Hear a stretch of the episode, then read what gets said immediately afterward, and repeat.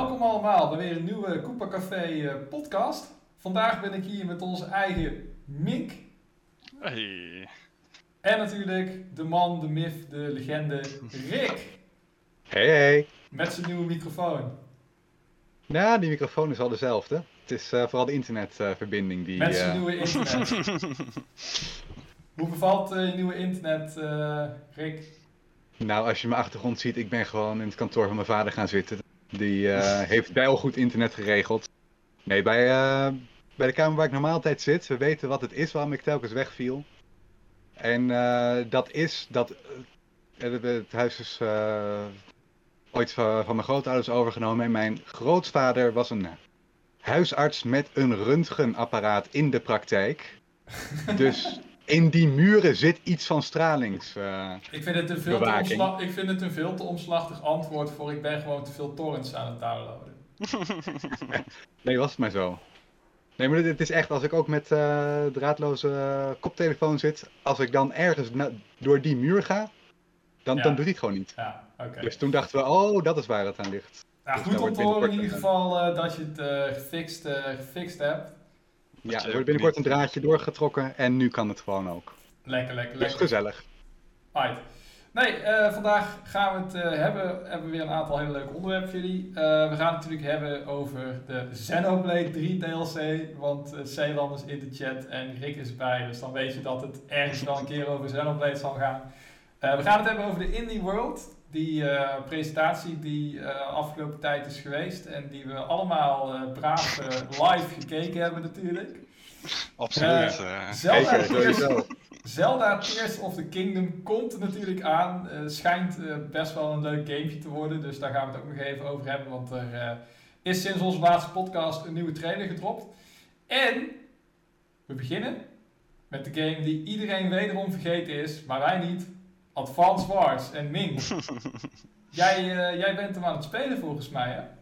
Zeker, op dit moment zelfs. hij staat open. Dus, eh, Ook tijdens, tijdens de podcast. eh, laat, laat je handen zien, laat je handen zien. nee, nee, nee. Ik Nee, kan niks, ik niks vast. Ik kan niks vast. nee, maar hij, staat, hij staat op dit moment wel aan. En ik heb er heel veel plezier aan. Eh Wellicht dat het een beetje de nostalgische bril is. Maar ik vind het echt heel tof. Ik vond het vroeger ook heel leuk. Het is wel ondertussen denk ik al zo'n 15, 18 jaar geleden dat ik hem voor het laatst heb eh, gespeeld. Dus eh, ja, eh, er zitten ook heel veel dingen in en eh, levels die ik al lang weer eh, vergeten was hoe die precies moesten. Dus dat is ook wel weer een mooie eraan dat het eh, Ja. zo lang stil is geweest. En hoe ver ben je ondertussen? Want Eh, zijn ik heb twee, de remake van twee, hè? Ja, Twee ja het is van 1 en 2, ja precies. En 1 heb ik nou net uitgespeeld, de campaign. Die is ook niet zo heel lang. Eh, en dat is eigenlijk meer een tutorial voor eh, deel 2, Deel eh, zo voelt het altijd. Ja, Ja, is één Maar eh, ik- zo kort? Eh, ja ik had 1 denk ik in 5, 6 uurtjes wel uitgespeeld. Dus dat is niet zo heel was lang. ooit een standalone release, toch? Die is gewoon Ja, zelfstandig. zeker. eh, Maar eh, de grootste, het grootste plezier wat je eraan had was wel denk ik de versus mode. En eh, ja, die zit er natuurlijk nog steeds in. Dus die kun je eh, nu ook nog steeds naar eh, ja, spelen zoals je wilt.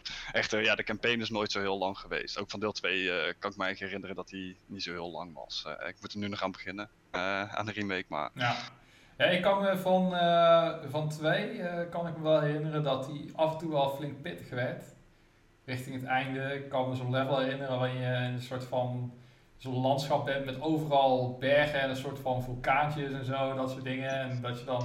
Ja, je hebt dan ook die, die, die, die, die mist levels, die vond ik ook altijd zeker. heel erg. Fog eh, of heel War, erg sneaky. Die Fog of War, ja, dat jouw tegenstander en jij allebei de mist kunnen gebruiken om in te verstoppen. En dat je dan pas iemand ziet als je letterlijk net naast hem staat. dus dan word je de hele tijd bekogeld door van die raketinstallaties die ergens in een bosje geparkeerd staan in de mist.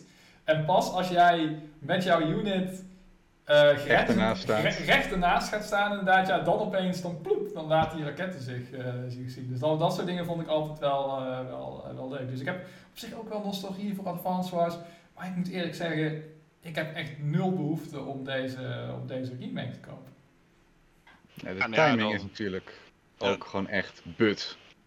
Nou ja, ik weet niet. Ik, heb, eh, ik vind het eigenlijk perfect. Een maandje voor uh, Tears of the Kingdom kun je, ja, ik nou uh, lekker uh, Advance Wars spelen. En over een maandje ben je er ook wel weer klaar mee met Advance Wars. Dat hoeft allemaal niet zo lang te duren. Ja, ik ben vooral benieuwd, Mink, waar, waar zit voor jou, want jij hebt natuurlijk de originele gespeeld. waar zit voor jou de, de meerwaarde in deze, deze, deze remake? Waarom zou je het aanraden aan mij als iemand die de GTA-games best wel tof vindt? Als jij de GBA-games tof vindt, dan ga je dit ook weer tof vinden. Zo, eh, omdat het gewoon een, directe port is. Het is. Er is zo weinig aan veranderd. En ja, dan kan je aan de ene kant denken van ja, ik heb hem 20 jaar geleden al gekocht, ik ga hem niet nog een keer kopen. En ja, dat is ook helemaal fair. Maar ja, ik, ik weet niet. Ik was wel weer uh, toe aan uh, een beetje strategie. Ik heb Fire Emblem ook overgeslagen, die laatste. Dus, ja, Fire Emblem sla ik ook altijd over. ja, nou, dan, dan moet je Advance Wars eigenlijk wel kopen. Nee, maar, Oké, okay, voor, maar, voor iemand als ik, die, okay, die nog nooit ja. een Advance Wars heeft gespeeld, waarom, zou, waarom zou je maar mij aanraden? Uh, ik zou mij aanraden omdat het een, uh, een zeer goed strategiespel is die gewoon in uh, heel gevarieerd is. zeker het tweede deel. en je moet wel het eerste deel volledig uitspelen, vind ik wel jammer. aangezien dat mm. toch wel iets meer tutorial-achtig aanvoelt als je deel 2 speelt. Um, dus daar, en zeker ook omdat er een optie is waarin je kan kiezen of dat je iemand bent die al de serie kent of niet. Had ik verwacht dat als je dat zou aanklikken, dat je bekend bent met de serie, dat ze deel 2 meteen beschikbaar zouden stellen. Maar dat is helaas Je moet dus echt deel 1 eerst. Ja, ja, ja. die moet je eerst uitspelen.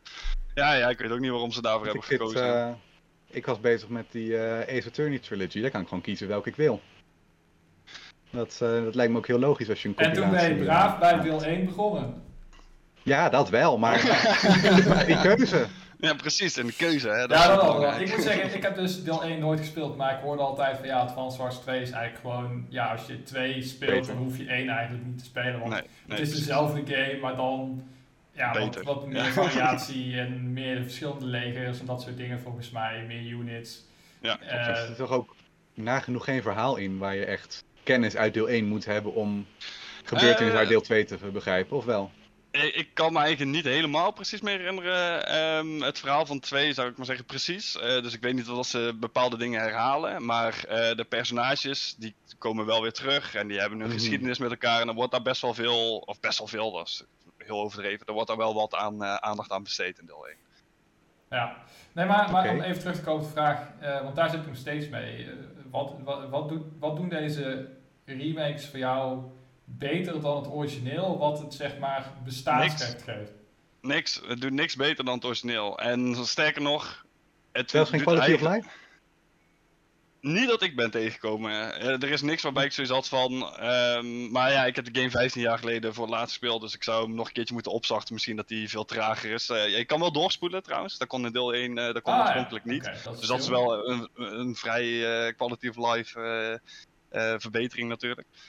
Maar voor de verder rest is het eigenlijk op heel veel punten achteruit gegaan bijvoorbeeld op de DS kon je Advance Wars spelen. En dan kon je mhm. met iemand anders spelen zonder dat hij de game had. Ja, dat kan bij de Switch al niet meer. Ja, er zijn gewoon van die kleine dingetjes waardoor multiplayer minder toegankelijk is. Want je kan niet tegen iemand anders zeggen van goh, we gaan samen even spelen, want ik heb het spel en jij mhm. hoeft het maar spel Maar kan je ook niet zeg maar zo, uh, want daar lijkt me dan wel weer de Switch ideaal voor, dat je gewoon een tabletop neerlegt, zeg maar. Dat je iemand anders dan een, een tweede Joy-Con De ene Joy-Con. Ja. En dat je dan ja, je, offline... Je kan wel met... Ja, dat kan wel. Je kan, wel met z'n tweeën op één console. Ja, dat precies. Dat is wel ja, heb ik nog niet geprobeerd, maar uh, weet dat... Uh, ja, het, het, zou mij ook ideaal lijken als je gewoon beide een aparte switch hebt waarop je kan spelen. Maar ja, ja. Uh, nou, we nemen mee naar een uh, N1 meet, dan uh, gaan we even potje. Uh, ja, is goed, is goed. lachen. Um, maar Daan in de, uh, in de, in de chat. Twitch-chat, die zegt. Vooral de nog uitgebreidere map-editor en de online battles zijn geweldige toevoegingen die je wat mij betreft beter maken dan het hm. origineel. Online battles, Mink! Waarom hoor ik daar niks over? ik heb het spel nog niet zo super veel gespeeld. Ik heb alleen nog maar de eerste campaign uitgespeeld en that's okay. it, weet je. Dus uh, dit kan goed zijn dat er nog heel veel elementen in zitten die uh, mijn mening veranderen. Het is alleen na heel de eerste campaign te hebben uitgespeeld, had ik niets bij van wow, dit is echt een grote verbetering. Dus ja. Oké, okay. uh, gaan we nog eventjes uh, het, het, hete hangijzer wat mij betreft, de, de artstijl. Wat vind je daarvan?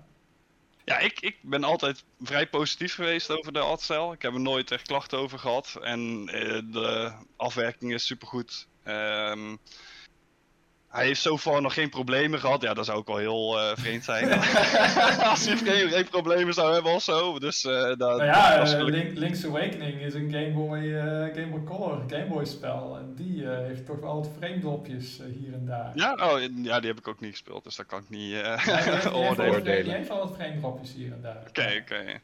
Ja, ja, ja, dat heeft deze in ieder geval niet, voor zover ik heb gezien. En ja, weet niet. Uh, ik, ik, vond de stijl altijd heel goed passen bij hoe Advance Wars er vroeger uitzag. Ik heb nooit begrepen waarom er online zoveel haat er nou was. Het was nooit een realistische shoot of uh, strategische shooter. Ja, ik hoor ook heel ver ergens in de Filipijnen een schreeuw over die artstijl komen nu.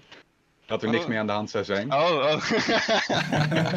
nee, onze Creon had daar wel wat uh, andere nou ja, weet je wat ideetjes kijk, over. Het ding met die artstyle is gewoon, ja, het is, het is gewoon heel, heel clean. En ik vind die groezelige pixels, ik weet niet, dat vind ik toch, vind ik toch wat meer charme, charme maar dat, dat is persoonlijk. Maar het doet mij gewoon heel erg denken aan bijvoorbeeld die Final Fantasy uh, eh, 1 tot en met 4 uh, eh, remakes of zo, die toen voor de iPhone of voor de Android werden gemaakt, waar toen iedereen ook helemaal overviel van ja, het is te veel te, veel te, ja... Pixely of veel te veel uh, Nee, juist veel te clean. Het, gewoon, gewoon, hmm. het ziet er gewoon uit als een, als een, ja, alsof het een Adobe Als een uh, cheap mobile game. Zeg maar. Ja, als een hmm. mobile game. En uh, dat heb ik hier ook wel een klein beetje gewoon, ja, het is allemaal heel, ja, ik weet niet. Het, het spreekt mij persoonlijk niet helemaal aan, maar ik snap het nee, wel maar de, de, het, de animaties die ik zag in de, volgens mij was de launch trailer, die zagen er gewoon ook gewoon echt kwalitatief uit. Ja, het kan misschien je artstijl niet zijn. Nee, precies. Maar de, de animatie was gewoon echt zo hoogwaardige kwaliteit, uh, volledig geanimeerd. Niet zodat je, wat je tegenwoordig nee, wel nee, ziet, nee, uh, nee, nee, ik, van die flash animations waar alleen het mondje beweegt en af en toe één arm of zo. Het was gewoon... Nee, ik heb verder ook geen, geen haat of zo tegen die artstijl. Ik vind het gewoon minder, het spreekt maar mij minder niks, aan dan het origineel. En ik weet dat er hard aan gewerkt is. En die gast van Way Forward, die heeft ook gezegd van ja, het was echt een droom om hieraan uh, te werken. Vind ik super vet voor hem. Vind het ook echt leuk dat Advance Wars uh, weer uh, quote-unquote terug is. en Way Forward, ja, is gewoon een leuke studio. Dus die, die gun ik ook gewoon het beste. Sympathieke studio, ja. Sympathieke studio. 100%, ja. Ik hoop, dat die, ik hoop dat die game goed gaat verkopen. Maar Rick, ga jij hem nog halen, denk je uiteindelijk? Ik ik denk, ja, of het moet op heel lange termijn een keertje een aanbieding zijn. Maar hij, hij komt nu voor mij echt op een totaal verkeerd moment uit. Uh, dat ik het niet, ook niet eens uh, in overweging neem. We hebben natuurlijk uh, volgende week die Xenoblade DLC die dropt. En Tears of the Kingdom zit eraan. En ik had het al nog een aantal games die ik wilde afmaken. dus het, ja, ja. ik heb er ook echt pas volgens mij over een half jaar op zijn vroegste tijd voor. en is het dan nog, hè, als, is het dan nog de, de moeite waard? Ja, dan moet het toch echt wel een leuke sale zijn. Wil ik daar nog een keer kijken. Maar je hebt nog nooit Advance Wars geweest. Dan is het op zich denk ik wel nee. waard. Tenzij, uh, en daar, ik, ik vraag me dat af of dat nog gaat gebeuren jongens. Gaan ze Advance Wars 1 of 2 uh, op Nintendo Switch online uh, plus droppen nee. voor de Game Advance binnen nu en een jaar? Ik zeg dat het gaat gebeuren. Eén van de twee. Jawel, binnen nu en een jaar. Mink, jij geloofde ook niet dat deze game ooit nog uit zou komen. Nee, dat klopt. En wat ben je nu aan het spelen? Wat ben ik aan het spelen? Advance Wars. Ja, ja. Uh, nee, maar dat was meer een soort... Uh, als ik uitspreek dat hij nooit meer komt, dan komt hij hopelijk wel nog ooit. Ja, ja, Zo doet hij eigenlijk altijd. Uh, ja, gewoon nee, ik verwacht echt niet dat hij uh, op korte termijn dan naar uh, NSO Plus gaat komen. Want dat, dat snijdt ze gewoon echt in hun... Ja, aan de andere kant, Link's Awakening is wel ook nog gekomen, hè? Ja, oké, maar die game was al best wel wat jaartjes oud toen uh, Game Boy games überhaupt. Dus dat snap ik wel. Maar deze binnen een jaartje, ja, ik, ik zie het wel gebeuren eigenlijk. dan denk ik toch minstens wel twee, drie jaar dat ze dan ook wachten, uh, mogelijk. Dat ze gewoon echt alle sales uit de remake hebben geperst die ze kunnen. En dat dan, uh, ja joh, hier heb je hem op NSO+. Ja, ik denk persoonlijk dat de game dramatisch gaat verkopen. Daar oh, sowieso. vrees ik voor. Dus misschien dat ze daarom een soort van wanhoopspoging nog de originele op NSO gooien. En denken van, hé, kunnen we toch weer wat meer aandacht geven? Nou ja, weet je. I don't know. Maar ja. eh, nee, je, je gunt het die ontwikkelaars niet, want het was natuurlijk echt compleet buiten hun ja. eh, zo- dingen die zij kunnen beheersen. Ze- je ziet echt dat ze er tijd en moeite in hebben gestoken. Het was echt zo'n passieproject voor die kerel ook nog. En ja, dat, dat is jammer. ja. Maar, inderdaad, gelukkig, maar laten we weten gelukkig een, eh, wel van Nintendo ja. dat ze dit soort dingen dan niet aan de ontwikkelaar af, afrekenen. Dat, Hè, dat de, is, de, eh, als het gewoon een kwalitatieve titel was, dan kunnen ze die kans opnieuw krijgen als Nintendo er ja. vertrouwen in heeft. Dat, er zijn andere bedrijven die daar eh, Kijk, en eh, ik een denk, ook, stuk... ja, ik denk ook dat Nintendo heel goed weet dat dit een, eh, een niche titel is. En dat ze Mhm. met die remake een beetje proberen te kijken van, is er wel vraag voor? Moeten we hier weer resources in stoppen? En Mhm. ja, dat ze, ik denk dat ze die game niet op sales gaan afrekenen op Way Forward. Als ik, denk ik in ieder geval. Ik Nee, denk nee, dat ze meer kijken naar, is dit de kwaliteit die wij verwachten en die we willen van zo'n game, ja of nee? En ik denk dat het antwoord absoluut ja is. Anders hadden ze in de afgelopen anderhalf jaar wel wat aanpassingen echt gemaakt. gecanceld. Ja, ja, precies. Of gezegd van, yo, ga er weer aan werken, want het ziet er niet uit of whatever. ja. En dat is allemaal niet gebeurd. Dus ja, Hij is namelijk niet echt aangepast. Hè? Er was al één iemand die per ongeluk die per ongeluk de op, de originele, op de originele release datum, er was iets misgegaan met update in de e-shop of zo. Die had hem gepreload en die werd toen eh, alsnog vrijgegeven op de oude release datum. En dat zag er gewoon echt identiek uit aan eh, wat... Ja, die kan dat ik, jij nu aan het eh, spelen bent. Ja, absoluut. Die kan ik één op één naast elkaar leggen. En daar zit Ja. geen enkel verschil in. En wat vind je van de Nederlandse stemmen, Mink? Oh, Eh, mijn Switch staat op het Engels. Dus daar, daar weet ik niet. Eh, Dat, dat vond ik wel opvallend hoor, dat ze toch voor zo'n niche titel dan ook kiezen van, eh, ja, we gaan hem toch... eh, ja, nou moet ik wel zeggen, de voice acting ehm, is ook eh, niet eh Je een van de hebt? sterkste punten. Eh, want het is maar, zou ik maar zeggen, telkens het begin van de zin eh, zeggen ze en de rest niet eigenlijk. Ja, Dus, eh, Mm, een ja. beetje alsof iemand die een soort van speciale aanval roept in een fighting game of in een. eh, Ja, precies. Ja. eh, Ja, ja, Dus Nou game. ja, ja, ik- het viel aan mij alleen maar op dat in de trailer waarin die Nederlandse versie werd aangekondigd, dat dat de stem van agent Jenny uit Pokémon was. En dat vonden we grappig. ja, die had ook Ja. even na, na, na, na 20 jaar weer een snabbeltje eh, ja, denk ik. nou ja, Ja. agent Jenny zit volgens mij nog steeds in de Pokémon anime, toch? Ik heb Het geen is idee. Ketchum die eh geëxt is. Nee.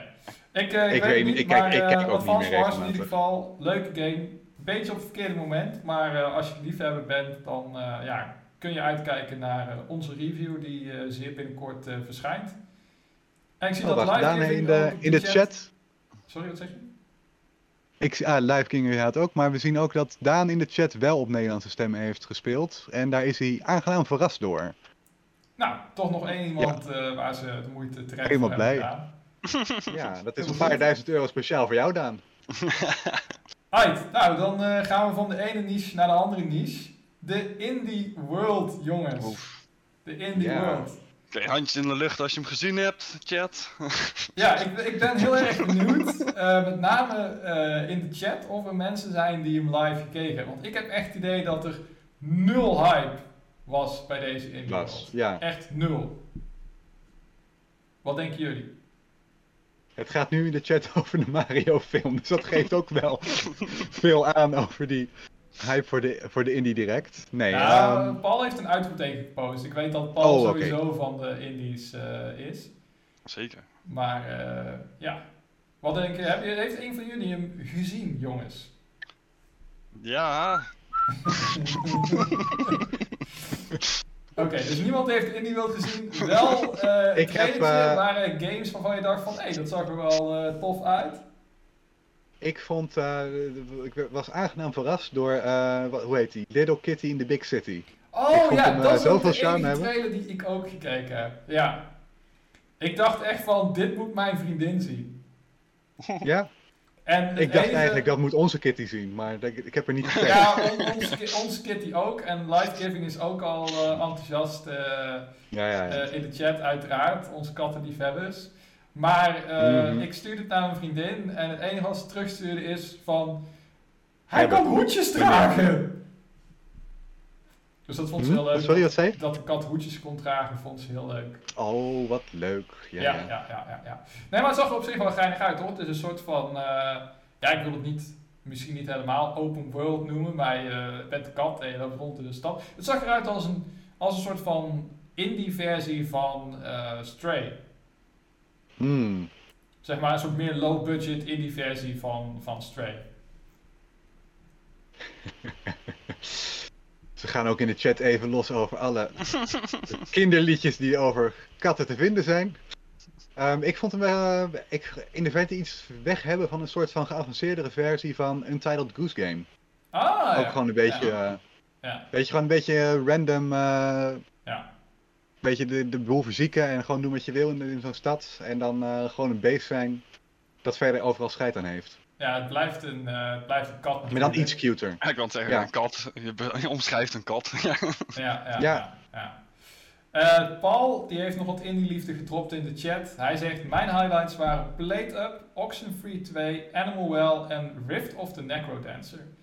Hmm. Rift of the Necrodancer natuurlijk wel vet. Van eh, de makers van eh Crypt van of the Cadence of Necrodancer en Cadence of Hyrule en dat soort dingen. Dus eh, ik heb die games nooit gespeeld. Weet niet, heeft, heeft een jullie Ritme game, toch? Ja, ritme slash actiegame. Ja, ik heb eh, de Cadence of Hyrule gespeeld, weet je zo? Zo. Ja, ja, ja. ja. ja, Ja, ja. Dat was de Zelda crossover. Ja, precies. Die heb ik gespeeld. Eh, niet superveel. Ik denk twee, drie uurtjes of zo. Maar ik vond hem wel in principe heel leuk. Alleen, volgens mij lanceerde die... Ja, ja, hij was echt heel goed. Maar hij lanceerde volgens mij precies op... Of in ieder geval tegen de tijd dat ik hem had... was er ook een andere game uit. En ben ik er nooit meer terug naartoe gegaan. Maar die Ja. eh, moet ik eigenlijk nog wel een keertje weer oppakken. Want dat zijn wel echt eh goede spellen. Cool, cool, cool. Ehm, even kijken. Animal Well, die vond ik er zelf ook wel grappig uitzien. is eh, van de maker, of in ieder geval, dat wordt uitgegeven. Dat, dat is de eerste game die uitgegeven wordt door de uitgeverij die eh, YouTuber Videogame Donkey heeft eh, opgericht.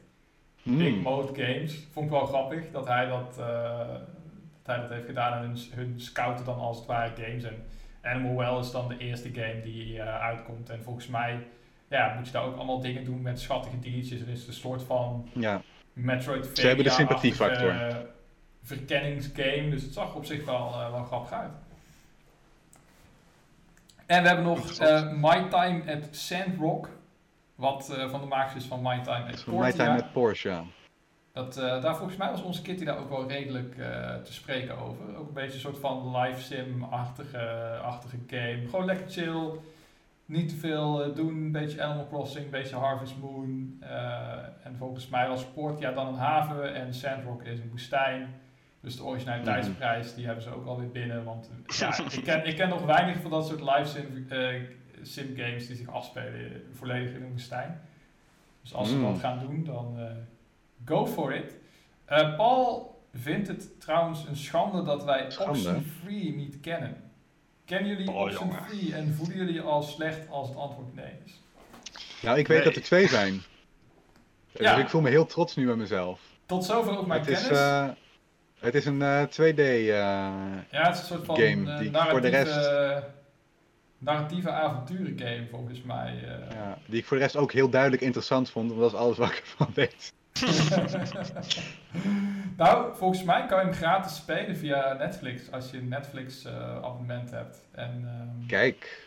dan kan je volgens games mij... Netflix? Ja, ja, je, Ja, kan dat, tegenwoordig, eh, eh, je kan tegenwoordig als je Netflix hebt op je telefoon, die app of zo, dan kan je daar ook bepaalde games in spelen die Netflix dan heeft.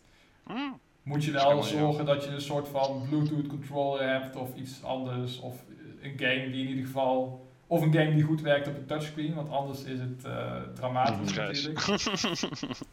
Visual novels zouden er best heel goed voor kunnen werken, overigens. Maar Ja, ja, ja. Eh, is Je een beetje maar eh, is, is wel grappig om te weten in ieder geval. En eh, ja, de Indie World jongens. Ja, we misten toch wel, voor, voor mijn gevoel, misten we De gewoon hype. een grote klapper. Ja, de hype inderdaad, ja. Ik ga niet zeggen dat Silksong er had moeten zijn, maar Silksong had er Maar- wel moeten zijn. Yo bro, volgens mij hebben we bij de vorige Indie World werd er ook al gezegd dat Silksong moet er zijn, Silksong moet er zijn. Die gaat nooit komen.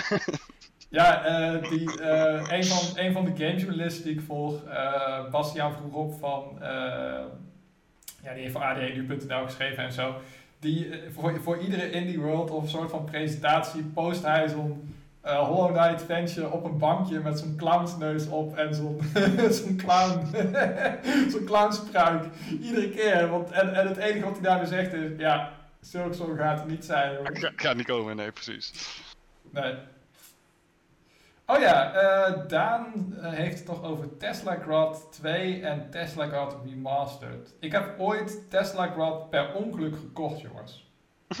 Per Hoe heb je dat voor elkaar Heb je gekregen? al eens een game per ongeluk gekocht?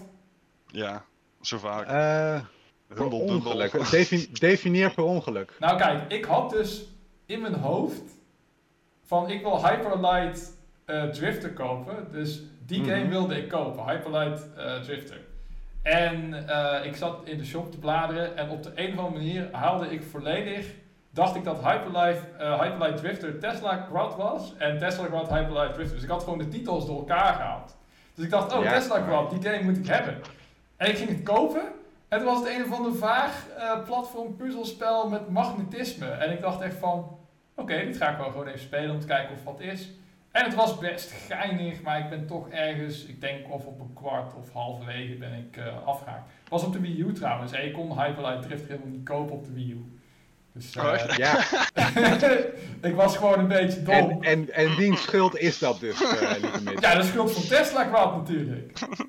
Oké, ik snap hem helemaal. Dus dat is een beetje mijn connectie met eh, Tesla Quad. Dus ik had zoiets van, ik ga die game niet weer kopen, want ik vond hem eigenlijk helemaal niet boeiend. En Tesla Quad 2, eh, moet ik eerlijk zeggen, ik heb er nog niks van gezien. Dus ik kan wel een klein beetje, eh, ja, ik moet misschien eens een trailertje kijken of zo. Maar ja, I don't know man. I don't know. Hyperlight Drifter kun je trouwens wel kopen op de Switch, toch? Wat kan je niet kopen op de Switch?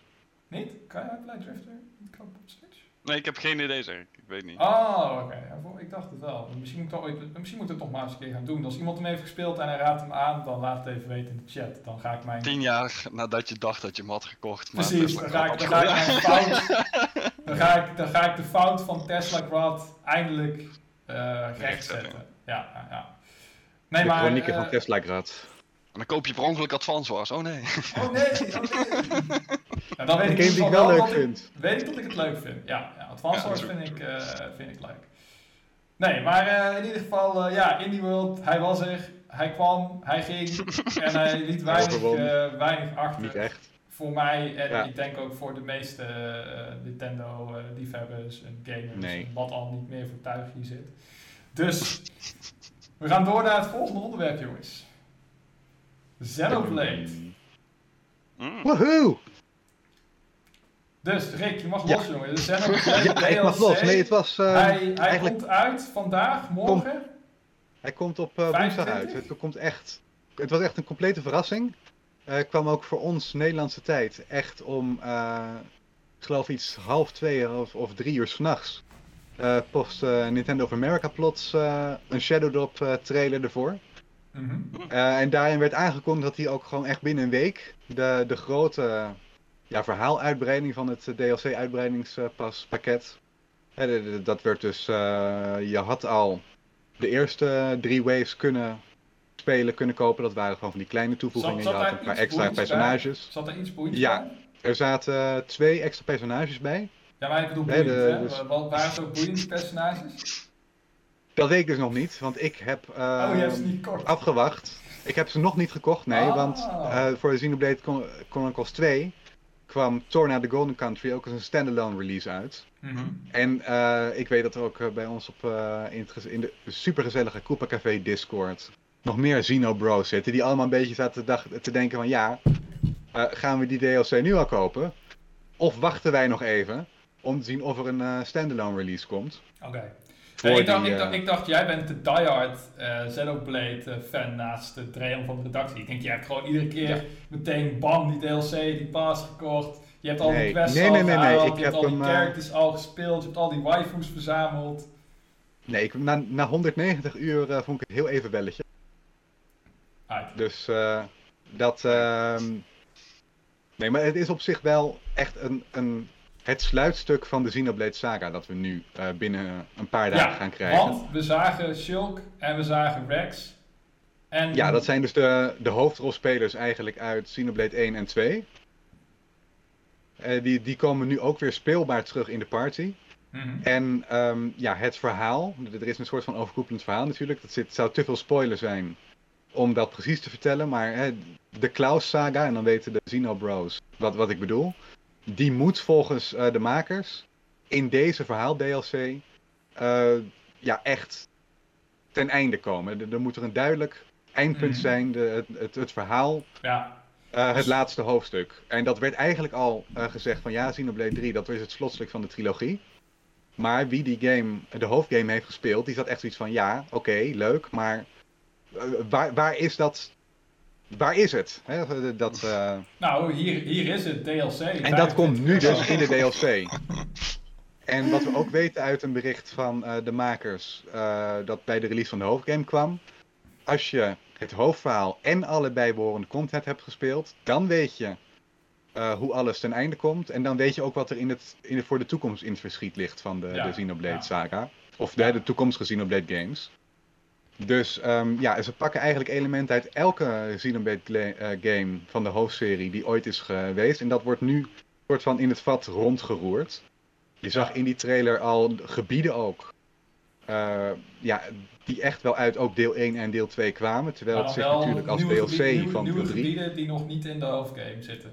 Ja, dus het, het wordt in deel 3 komen er nu een aantal gebieden. En die zijn ook weer natuurlijk aangepast en onderhevig Ja, ja, aan eh, verhaalveranderingen. Ehm, maar die, zijn, du- die worden dus geïmporteerd in deel 3. En ziet dus echt, ze pikken ook personages en Ja. ehm, Kortom, het wordt En- en eigenlijk wordt locaties. het, wordt het één groot feestje van herkenning voor de, Het- de echte het is de climax voor de- ja. ja. Maar is het ook Ja, het interessant voor mij, als iemand die Dat ingestapt weten we is dus nog bij Want we 3? weten echt heel weinig van eh, wat het verhaal nou gaat zijn. We weten wel, deel 3, de hoofdgame, die hebben ze echt ontworpen met het idee van... We gaan het niet verplicht stellen dat jij de vorige twee games hebt gespeeld. Wij willen een makkelijke Ja. binnenkomer zijn voor nieuwe mensen. Dus zeg maar voor jou, Mitch. Precies, ja. En de fanservice, die lijkt toch wel echt eh, in deze DLC-uitbreiding te zitten. Dus in hoeverre jij hè, de, de, de onderliggende verhaallijnen mee gaat krijgen. En hè, dat mensen helemaal losgaan in de hype van... Oh mijn god, dat personage is terug. En het blijkt dat hij zus en zo... Ja, dat, dat Ja. weten we nog niet in hoeverre dat voorkennis vereist. Ja, ik, ik zie, ik, Ehm. zie, ik, ik zie, ik ben namelijk zelf meer dat ik denk van ik ga hem skippen. Eh, ook omdat Mhm. die net uitkomt voor Tears of the Kingdom, maar ook Ja. omdat ik, ik zie denk ik van, hé, hey, Shulk die ken ik van Smash Bros. Eh, Rex, dat was dat, was het klote Ja, die, die, is, die is nu buff en, eh, en een daddy, dat is wel cool. Hij heeft nu spierballen en een groot zwaard, Mhm. twee grote zwaarden. Hij ziet er eindelijk een beetje cool uit. En ik zie heel veel party members, denk ik, waarvan ik denk van, oké, jij lijkt op die, jij lijkt op die, eh, Ja. jij lijkt op die, dat zijn waarschijnlijk de zonen. Oh, je ziet ook volgens mij eh, Noah's eh, zoon uit die ene flashback. Die legendarische Ja. flashback uit chapter 5 van Ja, ja, ja. 3. Er, ehm, Dat vind ik wel heel vet. Alleen, hij Noah lijkt dan wel zijn weer... natuurlijk Ja, twee, hoofdpersona- twee hoofdpersonages uit deel 3. En ja, het is een soort van prequel en sequel in één. Maar je ziet inderdaad wel dat een paar van hun eh, nakomelingen waarschijnlijk wel eh, ook weer terugkomen Ja. in de game. ja. Maar En zonder al te veel te één- spoilen, zon- zonder al te veel te Mhm. spoilen, eh, kijk, het ding wat ik ook een beetje heb is dat Xenoblade 3 voelt voor mij als best wel een compleet verhaal. En dit is een, eh, Ja. dit is een prequel. Dus ik vraag me dan af, omdat je ook al Nou ja. weet hoe het eindigt en ook weet Het ja, hoe, die, Xenoblade we- team hoe die kennende gaat het en een prequel en een sequel en allemaal helemaal weird interwoven eh, time shenanigans zijn. Mhm. Ehm, maar ja, het, het is. ehm, we zien wel ook dat eh, het personage Riku uit ehm, deel 3 ook terugkomt. Oké, Die had Dat natuurlijk een paar losse, losse eindjes in de hoofdgame. En hoe het voor de rest, ja, het lijkt toch ook wel inderdaad echt wel een standalone game te zijn. Die vooral vertelt hoe de wereld van deel 3 uiteindelijk is gaan ontstaan. En daar zitten dan de links met deel 1 en deel 2 in. ja. Ehm, en het wordt waarschijnlijk gewoon eh, tientallen uren aan gameplay. jij bent, eh, jij bent hyped, in ieder geval. Ik hoor het, jij bent ik, ehm, ik was heel blij verrast toen, dat, ik, op, toen ik die trailer voor het eerst zag. Toen was ik een beetje heel erg moe. Maar toen dacht ik echt van, oh shit, dan al. Maar als, als het zeg maar overdag was gedropt, dan had ik eh, een klein dansje gemaakt. Ja. Ja, ja, we hebben helaas geen live reactievideo van eh, Rick. Nee. Die, die, die, die heeft hij ons eh, helaas bespaard. Maar het was ja, wel, ja, ja. de wereld was er nog niet klaar voor. Maar misschien bij Xenoblade 4 dat we hem krijgen. Mink, jij bent verdacht stil. Maar volgens mij heb jij niet zoveel met Xenoblade, hè? Eh, nee. En we- en jij, zag, jij zag ook natuurlijk die aankondiging van DLC. Heb je, trailer, heb je de trailer gekeken? Of, eh, Nee. ook, heb je, ook, Nee, heb boeit- je iets boeit jou dan ook meegekregen niet van zo, hè? Xenoblade 3? Nope. Nope, ook nooit trailer gekeken? Ik vond, eh, eh, volgens mij heb ik het ook ooit verteld, maar eh, ik, altijd als ik een trailer zie van Xenoblade denk ik bij mezelf, oh dit is echt fucking dope shit. En dan wil ik het kopen en dan wil ik het spelen en dan ga ik het spelen en dan denk ik binnen Ah, ja. een uur, Ja, oh mijn god Ja. dit is zo saai. Ja, dat is wel- ja. Dat is wel eigen aan de Xenoblade-serie. Het zijn echt enorm lange games, maar ze, ze starten wel een beetje traag op daardoor ook. Ik, vond, ik vond dat 3 echt totaal geen trage start had. Ik vond Nee, drie ja, drie echt heb ik als enige niet Gewoon gehoord, vanaf dus, de eerste, vanaf de eerste Ja, drie had... cutscene- eh, Vanaf de eerste klopt. cutscene zat ik gewoon in die wereld. Dacht ik van, yo, dit is dik, dit is vet. Ik wil meer weten Nee, van klopt. deze wereld. Ik wil meer weten van deze characters. Het was zo goed gepresenteerd en gaaf gedaan. En daarna, nee, ja, dat was gewoon gelijk... eh, op, Ja. die, die start inderdaad op een, eh, op een high. Ja. Maar eh, we, we weten van deel 2, daar moet je eigenlijk gewoon de eerste vijf uur doorbijten. Want dan pas begint het gevechtssysteem Ja. Dus doen wat het moet doen. Mink, koop Ja. 3 een keer in de aanbieding. Speel hem een uur en kijk dan of je eindelijk verder Ja. wil spelen. En de, De eerste vijf uur, ja. Mink, even ter vertaling, dat is dus maar 1% van de game, hè? Maar, Ja, het is veel te veel. Ja. Nee, dat is wel allemaal- eh, wat ze net hebben mee. meegenomen voor deel Ja, 3. precies, dan speel ik liever eh, Oxenfree van Paul. Eh, Oké. Ga jij lekker Oxen 4 spelen, gaat Rick aan de Xenoblade eh, DLC. Iedereen, eh, iedereen blij. Ik weet dat niet Iedereen happy, mensen ja. in de Koepcafé Discord er ook naar, eh, naar uitkijken. Dus eh, Ja. ik ben blij in ieder geval. Hij komt nog net op tijd uit, denk ik, om uit te spelen voor Ik vond eh, het een eh, heel opvallende release daarom. Want het is, eh, ik denk dat je het binnen 2, 3 weken wel moet kunnen doen. Want ze weten bij Nintendo ongetwijfeld, er zit overlap tussen het Xenoblade publiek en het eh, Tears of the Kingdom publiek. Dus dat, eh, ja, eh, Xenoblade en sowieso Monolith Soft heeft een steeds meer prestige positie binnen Nintendo gekregen. Dat zouden ze denk ik niet... ze- Way Forward heeft helaas pech gehad met eh, Advance Wars. Zo behandelt Nintendo Monolith Soft denk ik niet. Uh, Xenoblade zit echt enorm in de lift. Heeft ook heel veel moeite gekost om, om die status te krijgen. Dus Nintendo is er echt wel voornemens om het te blijven supporten. Daarom was het ook opvallend dat het feitelijk een, ja, net- is dat een shadow drop dat je een week van tevoren pas te horen kreeg dat die kwam. nee. Nee, dat is technisch eh, geen shadow drop, Het maar het zat er wel heel dicht nee, tegenaan. Nee, het is geen Shadow Drop. Maar het zat er wel heel dicht tegenaan. Normaal gesproken had je wel verwacht dat ze wel iets meer gingen hypen. En nu was het gewoon één trailer, bam, volgende week kun je aan de slag. Eh, veel plezier jongens. Maar ben je dan niet bang dat, eh, dat eh, die eh, beperkte marketing een eh, voorbode is voor de kwaliteit van de DLC? Nee, maar dat is puur omdat ik interviews met Monolith Soft heb gezien. Waarin ze echt hebben aangegeven qua scope is dit vergelijkbaar met Torna. En Torna dat was de enorme DLC voor deel 2. Die zo groot was dat Nintendo, Nintendo hem als een losse game heeft uitgebracht. Waar je ook 40, 50 uur mee bezig was. Dus dat... en ook eh, weer een intro van 5 uur of dan niet? Nee, dat viel eh, heel erg mee. Oké, mooi. Die eh, was. eh, die, die, die startte ook al wat meer met een vliegende start. Welke Dus game, eh, ja, welke game heeft Torna. volgens jullie de traagste intro ooit? Ben ik wel even benieuwd naar. de Persona traagste 5. intro ooit. Persona 5? Ja, ik weet niet, ik heb, ben nooit Ja, verder gekomen dan de eerste twee uur. Maar staat me niet veel meer van bij. Want ik, ik heb Persona destijds eh, op de eh, PlayStation gespeeld. Daar heb ik toen ook echt maandenlang over gedaan. Omdat het ook zo'n eh, enorm grote game is. Maar die eerste paar uur, ja, die zijn dus kennelijk echt totaal niet memorabel. Want het staat me gewoon ook echt niet meer bij. nee, ja, ik de, heb die... toffe momenten zaten echt later. Ja, oké, ja, ik heb een paar uur gespeeld en er gebeurde gewoon niks in die game. Gewoon echt helemaal niks. Gewoon, wat, wat? Iedereen is hier zo laaiend enthousiast over? Er gebeurt gewoon niks. Maar goed. eh, Ik weet, iemand, ja. ik weet één iemand die dit terug gaat luisteren en echt denkt van... Jongen, die Mink, die moeten ze echt een klap voor zijn bakkers verkopen. Robin. Ja, meerdere mensen uit de Discord. meerdere mensen uit de Discord. Nee, dat, zou niet zo zegt inderdaad volgens mij toen ik eh, Persona 5 had gekocht. Dat, ik, dat was hetzelfde als ik toen met Xenoblade 2 had. Van, ik weet dat dit een goede game is. Ik ga even doorzetten. Maar dat je het inderdaad op die eerste paar uur misschien niet per se had gezegd van... eh, let's go. Ik weet niet, ik vind het altijd vreemd dat dat soort games, of games die zo hoog aangeprezen worden, zo'n lange intro hebben. Ja, Ja, die games heb tussen zitten. Ik bedoel, hier zegt Paul zegt bijvoorbeeld Tales of Vesperia.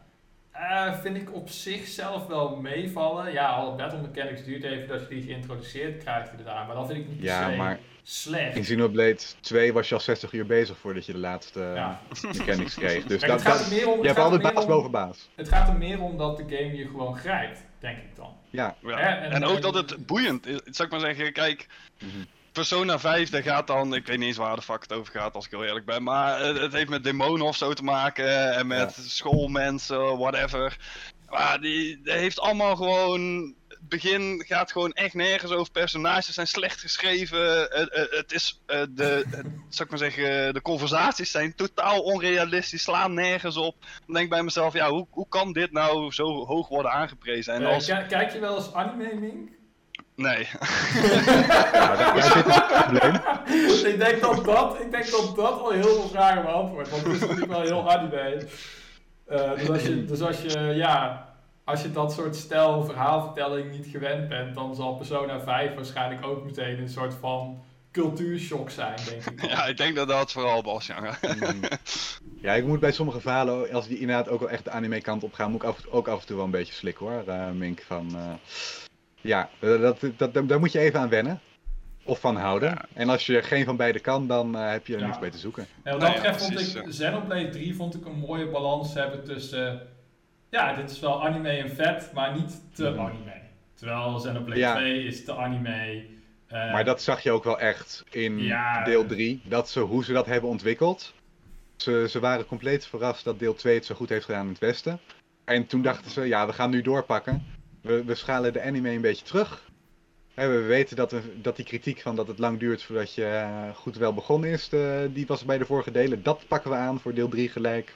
Met een vliegende start. En je ziet dat ze ook echt al die dingen hebben meegenomen. Ja, ja. Ja, nee, ik heb zelf, eh, ik heb zelf eh Danganronpa 3, dat vond ik echt een gruwelijk traag intro.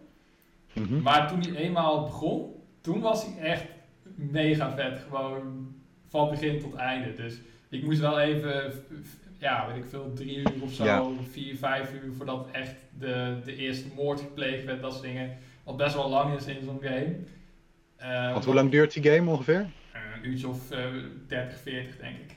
Oeh, dat is wel eh Erg. gezien ook wel. eh, Ja, maar die, die hele opbouw van die eerste case is wel echt gewoon fantastisch. En eh, ja, heel tof. Maar ik heb wel twee keer denk ik mijn Switch Endgame weggelegd en toen later pas weer opgepakt en toen doorgespeeld. Dat ik dacht, oké, nu zit ik er echt, eh, nu Mhm. zit ik er echt in. Er zit ook wel een soort van raar déjà vu moment in dat ik dacht dat mijn game vastgelopen was, of dat er iets mis was, of dat het niet gesaved was. Want eigenlijk doe je een deel van de intro doe je twee keer. Dus dat is best wel verwarrend. En iedere keer begin je op exact hetzelfde punt, namelijk weggestopt in een kluisje. En daar val je dan uit. En toen dat de tweede keer gebeurde, dacht ik echt van, hè, maar heb ik dan niet gesaved? Heb ik per ongeluk op reset gedrukt of zo, weet je wel? Maar dan is het toch weer net Ja. iets anders of zo. Ja, het is, eh, het is een beetje vaag, maar... En dat werd ook niet duidelijk uitgelegd, want het had een leuke reveal moeten zijn waar jij pas veel te laat achter kwam dat het... Nee, nee, nee, nee, nee. Ik zat de hele game na te denken van wat het nou precies betekende. En uiteindelijk wordt dat wel gereveeld. Maar in het begin dacht ik van, oh fuck, heb ik nou per ongeluk mijn save eh, niet... Want ik, ja, kan ook zijn dat het gewoon toeval was. Dat ik gewoon net op dat moment gesaved had. En toen de game weer oppakte en dacht van, hé, maar dit heb ik toch al een keer gedaan. Dan heb ik wel goed gesaved of zo. Heb ik wel gesaved? Dat is altijd de ergste vraag die je zelf kan stellen, toch? Heb ik wel gesaved? Ja. Nog even antwoord op, eh, Zeker vroeger. op Paul in de Discord chat. Eh, die zei, eh Xenoblade 2, 2 zal toch nog wel voor de Wii U zijn ontwikkeld oorspronkelijk. Dat is niet het geval. Eh, het was echt bedoeld altijd al vanaf dag 1 als een launch window game voor de Nintendo Switch. Maar ze hadden natuurlijk pas vrij laat in de ontwikkeling dat ze de definitieve specs van de Nintendo Switch ter beschikking hadden. dus daar zie je ook wel dat in handheld, dat is enorm verbeterd. Het geeft ook ehm, meer Falcon Kicks natuurlijk aan in de chat, dat het er veel beter uitziet in deel 3 in handheld. Geweldige naam. Meer hè? geld Ja. Natuurlijk blijft echt het beste username van heel onze Twitch eh kijkers eh, ensemble. Dus eh Sowieso. props, eh, de mensen die wel Smash hebben gespeeld met, eh, met mij op stream, die weten waar de naam eh, vandaan komt. Want eh, deze man Mhm. die spamt Falcon Kick alsof de zon nooit meer ondergaat. Hij blijft ze gooien, hij blijft ze gooien. Het is, eh, het is, mooi, eh, het is een mooie naam. Ehm, maar goed, Nee, ja, dat, Xenoblade 3, DLC, eh, Xenoblade 3 eh, DLC. Jij gaat natuurlijk, jij hebt hem al waarschijnlijk al in de, in de pre-order, download, whatever staan, eh, Rick. Dat hij unlocked, Ik zorg dat hij, eh, hij, hij komt, eh, dat was nog even een minder leuke verrassing, want we kregen hem eerst via de Amerikaanse trailer. Daar stond 25 april. Ah ja, ja. Maar toen kwam de volgende dag pas eh, de Europese trailer online. En qua, eh, we krijgen hem natuurlijk gewoon exact hetzelfde moment, maar qua tijdzones, voor ons is het eh, woensdag de 26e. Ben jij zo'n diehard die dan de Amerikaanse e-shop, eh, je, je, je switch op Amerikaans zet? Nee, nee, nee, nee, nee. die heb je erbij zitten, hè, die mensen. Die Ja, ja, ja, dat, volgens, mij, volgens mij is Australië of zo, of, of Japan, is volgens mij de meest gunstige tijd. En die mensen Ja. die, dan, eh, die hem dan daarop zetten, die kunnen dan een game eigenlijk een dag eerder spelen. Live. Nee, nee, nee, dat... eh, Ja, 13 uur is het ongeveer eerder eh, ten 13 opzichte uur? van ons. Ja, 13 Oké. uur. Oké. Nee, maar dan, eh, dan slaap je ook gewoon heel die nacht niet, dus dat... eh, Ja, Nee, ik zorg wel dat ik hem inderdaad eh, op tijd eh, de DLC-pas eh, in de e-shop ge- gekocht heb. Want dan eh downloadt hij als het goed is in de nacht van eh, dinsdag op woensdag. En dan kan ik eh, ja. automatisch aan de slag. Want wie weet, eh, als je je Switch eh, toch op andere landen zet dan je eigen land. Ja, je weet natuurlijk maar nooit of de Nintendo Nia's dan eh binnenvallen. Ja. ze zijn de laatste Die tijd zijn, weer bezig. flink op jacht geweest.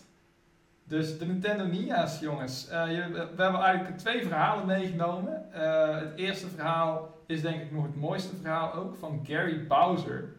Rick, Ja, jij hebt Bowser. het net eh, eventjes allemaal uitgezocht. Vertel. Ja, ja het, heeft ook, eh, het heeft ook al een keer eh, de, de Bowser Saga op eh, N1 gestaan.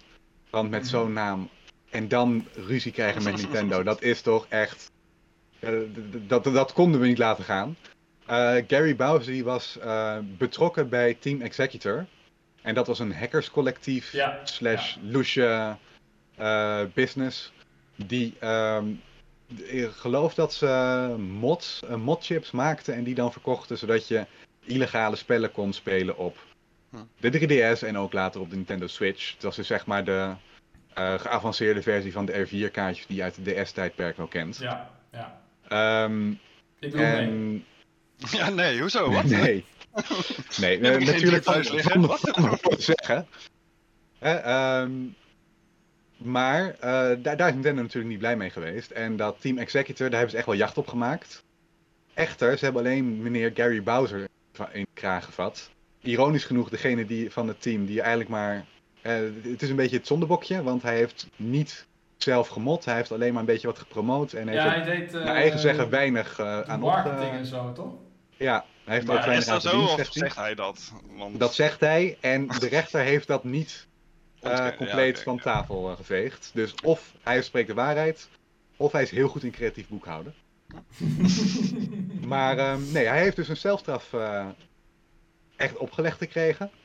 Daar is het nog vrij mild in geweest. De rechter heeft ook gezegd van ja, oké, we, we, ik erken als rechter zijnde dat jij eh, nu wel een beetje het zondebokje bent. Dat jij niet hè, de, de, de hoofdhacker was of dat je eigenlijk maar een beetje erbij hing.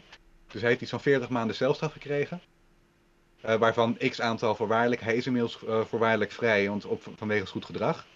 Maar eh, hij heeft wel een schikking moeten treffen met Nintendo. Mhm. van 10 miljoen. En daar had hij tijdens zijn gevangenisstraf, ik, ik pak het heel even bij.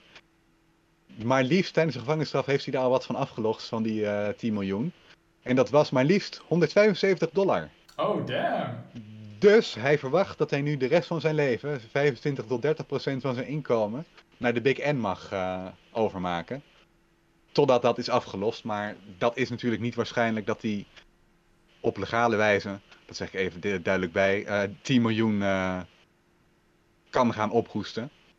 Dus hij is gewoon eigenlijk tot aan zijn dood. eh, Moet schuldenaar bij Nintendo. Nintendo. betalen? ja, Dus eigenlijk wat wij ook doen, maar wij krijgen nog leuke games voor terug.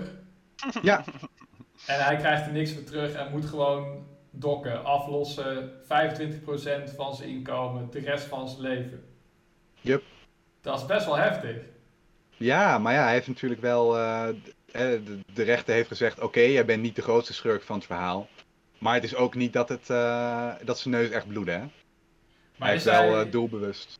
Ja, oké, ja, oké. Maar is hij, wordt hij niet te hard aangepakt of extra hard aangepakt omdat hij het gezicht is van de hele operatie in zekere zin? Nou ja, is een voorbeeld gesteld. Dat heeft de rechter eh, ook aangegeven. Of het was Nintendo die het in de strafeis. eh, Nee, het, Openbaar Ministerie had het in de strafeis ook aangegeven in de, de VS. Van ja, dit is een vrij heftige straf. Maar we willen ook echt wel een voorbeeld stellen. Hm. Eh, hij is door de rechter nog vrij mild behandeld. Omdat hij niet de hoofdhacker was. En maar een beetje erbij hing. Maar hij heeft wel natuurlijk doelbewust illegale softwarepraktijken. die eh, flink schade bij, aan Nintendo heeft eh, opgeleverd. Eh, daar heeft hij aan meegewerkt. En het is natuurlijk ook wel zo, ja, je kunt wel zeggen van, nou ja, Nintendo is rijk genoeg. Daar gaat het principe natuurlijk niet om. Hè? Als jij miljoenen schade levert aan een bedrijf, Hm. is het niet onredelijk dat zij zeggen, ja, daar willen we wat van. Ja, En, maar het is, het, is, het is ook natuurlijk gewoon eh voorbeeld stellen. De Nintendo Ninja's zijn we echt flink bezig, ook voor Tears of the Kingdom. eh, dat was die artbook leaker, eh, dat is het tweede verhaal waar we zo op gaan. Daar is Nintendo ook echt een klopjacht op begonnen. ja. Eh, je, je ziet gewoon, Nin- Nint- en daar zit ook wel, wel, wel wat in. Nintendo wil niet dat hun spellen illegaal te, te verkrijgen zijn, want dat kostte gewoon sales. Echt niet iedereen die een illegale download pakt, zou zo'n game natuurlijk kopen, maar genoeg inkomsten die er wel aan ja. verloren gaan. En ook wat je ziet bij die artbook leak. Nintendo is heel duidelijk geweest, wij willen zoveel mogelijk onze kaarten tegen de borst houden van wat zit er in Tears of the Kingdom. Op het moment dat dat vroegtijdig online lekt, daar gaat je hele marketingplan van eh, naar de galamie. En daar worden ze ook niet blij van. Maar het is ook heel logisch, vind ik. Ik bedoel, op het moment dat jij een game aankondigt en released, en jij inderdaad bent degene die bepaalt wat er getoond wordt en niet, op het moment dat iemand anders dat dan voor jou gaat bepalen, ja, slaat natuurlijk helemaal nergens op. En het feit dat, dat, dat Nintendo daar eigenlijk, zeg maar zeggen, nooit echt iets groots heeft, of ja, Nintendo heeft wel een paar leks gehad, maar dat is meer eigenlijk de Pokémon be honest. Ja, dat, Nintendo eh, zelf. dat is, eh, staat los hè. Eh, Ja, precies, Daar zijn ze alleen, alleen dus- verantwoordelijk voor als ze de checks mogen innen. En voor de rest is het... Ja, eh, precies. maar ja, dus ik denk bij mezelf, ja, je, je wil ook voorkomen dat dit in de toekomst gaat gebeuren, uiteraard. En ja, ook dat mensen gewoon volle moker jouw spullen gaan stelen of distribueren. Ja, de, Ja. ik snap dat best, ja. Maar eh kiezen, we, kiezen we nu niet te veel de kant van het grote bedrijf versus Nee, het, nee, het is eenzame, goed. het, het eenzame mannetje? Zeker in het geval van die artbook leaker. Volgens mij... eh, Ja, maar je doet Ja, dat ook maar- heel bewust. Je doet dat zo bewust. Ja, maar stel is je, echt voor niet hij, zo... is- stel je voor hij is 16. Weet je, bij die artbook leaker, daar wil ik ook wel zeggen, die zijn gewoon echt dom geweest. Die hebben zich zo duidelijk geïdentificeerd binnen die Discord server. Dat was gewoon vragen om problemen. Als zij, zich, als zij hun identiteit veel beter hadden verhuld, en dan, dan waren ze ook makkelijker mee weggekomen. Dat is, ja, aan de ene kant natuurlijk ook wel zeggen van dat is eh, ook een soort van twee, k- eh, tweeteers klasse justitie. Maar als je, het, is een beetje een middelvinger opsteken naar Nintendo. Hoi hoi, wij doen het, haha. En dan gek opkijken dat Nintendo je, ni- hun ninja's op je afstuurt. Dat, ja.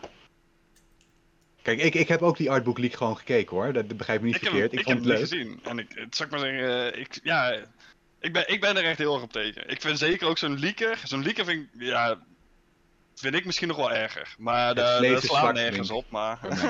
Je vindt een leaker erger dan iemand die... Ja man, mensen- gewoon het verpesten van fucking de verrassing voor andere mensen. Ik Denk echt bij mezelf van, doe eens normaal man. Dat is, dat is niet helemaal waar, want je kan zelf kiezen of je wil kijken of niet. Ja, dat, dat klopt. En ik heb het ook niet gezien.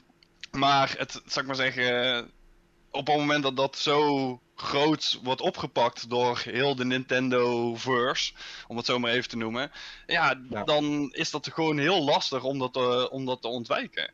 Mhm. En ja, Ja, het, het is me dan wel gelukt, maar zou ik maar zeggen, ja, er is meer toeval Daar heb je dan... echt moeite voor moeten doen. Ja, ja, precies. En dan denk ik bij mezelf, ja, daar is nergens voor nodig. Waarom moet ik hier nou moeite voor gaan doen omdat een of andere debiel fucking die artbook jat van, eh, van de winkel waar die werkt en al die foto's gaat lopen uploaden? Ik heb geen idee hoe het is verlopen, maar Ja, Nou ja, iemand heeft er onrechtmatig eh een Precies, embargo geboden. dat kan Dat, haast eh, niet anders dan dat, ja.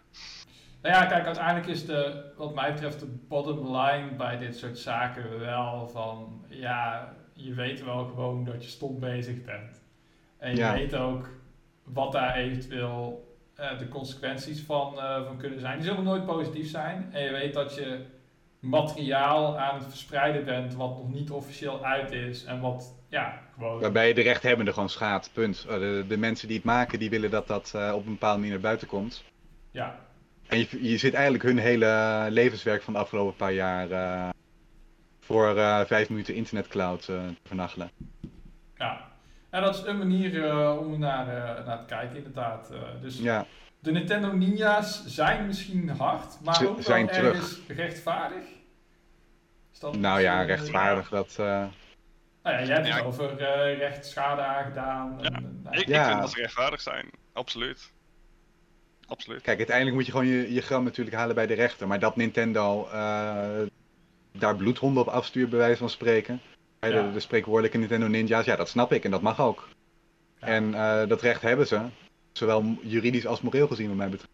ik, vind het wel, eh, ik vind het wel een beetje slechte Ninja's hoor. Dat ze dan bij de voordeur van Discord aankloppen en zeggen: Hallo, mogen wij de persoonsgegevens? Ja. Ja, daar ben ik het helemaal mee Ze hadden gewoon in Discord hoofdkwartier binnen moeten sneaken, daarin die files graaien en dan hey. Ja, ja, ja. En eh, het liefst nog even in de Mission Impossible stijl eh, aan zo'n precies, touwtje.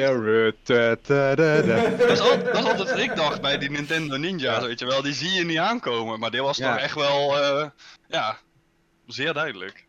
Ja, nou ja, ze zijn Ja, wel ja, ja. snel toegeslagen volgens mij. Eh, wel, wel- ze zijn wel efficiënt.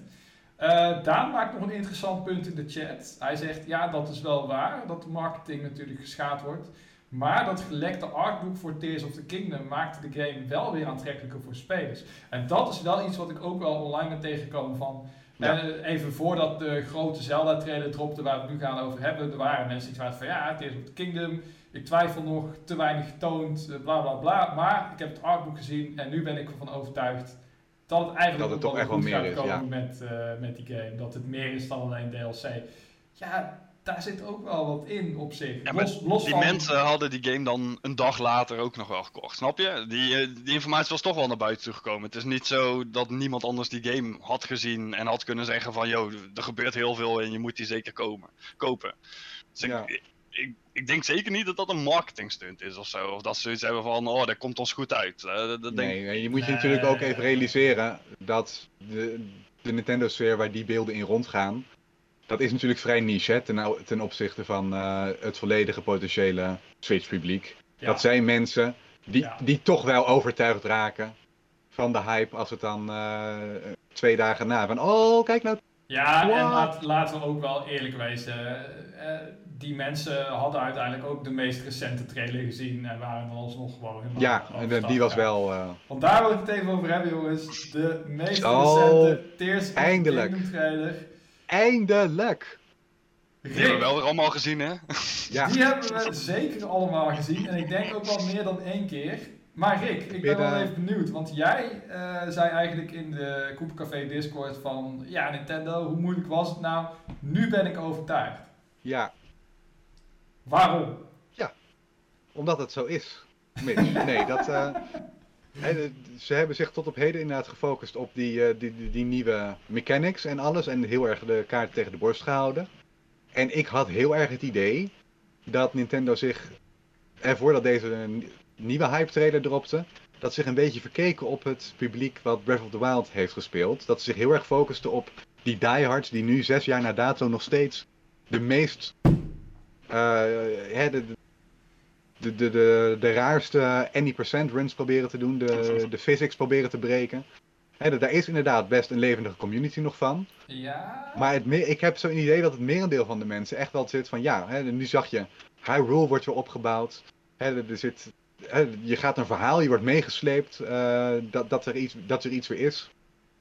Dat is waar ik een RPG voor speel. Niet per se van, oh leuk, je kan sandbox dit, dit en dat doen. Want ik speel ook bijna geen sandbox games. Ja, ja. Nee, maar Maar daar, daar dat- wil ik het daar nog wel eventjes over hebben. Maar het, eh, want dat vind ik op zich wel een interessant punt wat je maakt. Want ik ben het er niet helemaal eh, mee eens. Maar daar kom ik daar nog even op terug. Want laten we het inderdaad eerst even hebben over het verhaalgedreven eh, aspect. Waren er bepaalde elementen die jou eh, aanspraken? Dus je dacht van, oh, dit is wel echt, eh, dit is wel echt nice. Nou ja, het was natuurlijk vooral de samenspraak van die e- epische muziek. En toen dan, eh, ja, we kunnen gewoon spoilen natuurlijk, hè, dat je dan Ganondorf... eh, Dat is geen spoiler. Eh, je- ik wil nou, die, je die, weet- die, die hele discussie, dat is geen spoiler. Dat slaat nergens op. Iets kan Ja. alleen een spoiler zijn als het nou, jij hebt genoeg tijd gehad om die trailer te zien en dan... je Precies.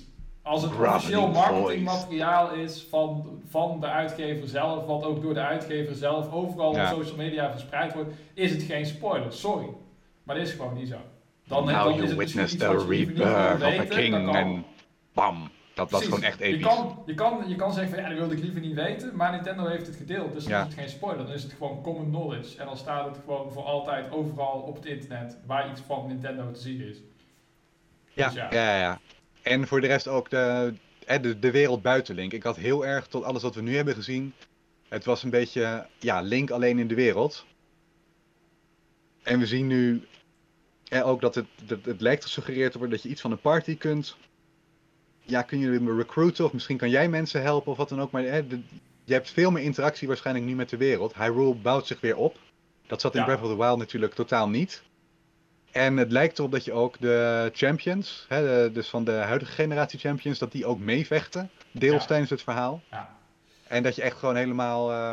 Nee, de, de, de, de vibe die ik krijg van deze trailer versus Breath of the Wild is, is Breath of the Wild was de, de, de aftermath, zeg maar. De, de, ja, en nu is de rebirth. overleven. Dat is eigenlijk het, wat je in Breath of the Wild ziet. Het, het verhaal dat Ja. was overleven, overleven naar een ramp.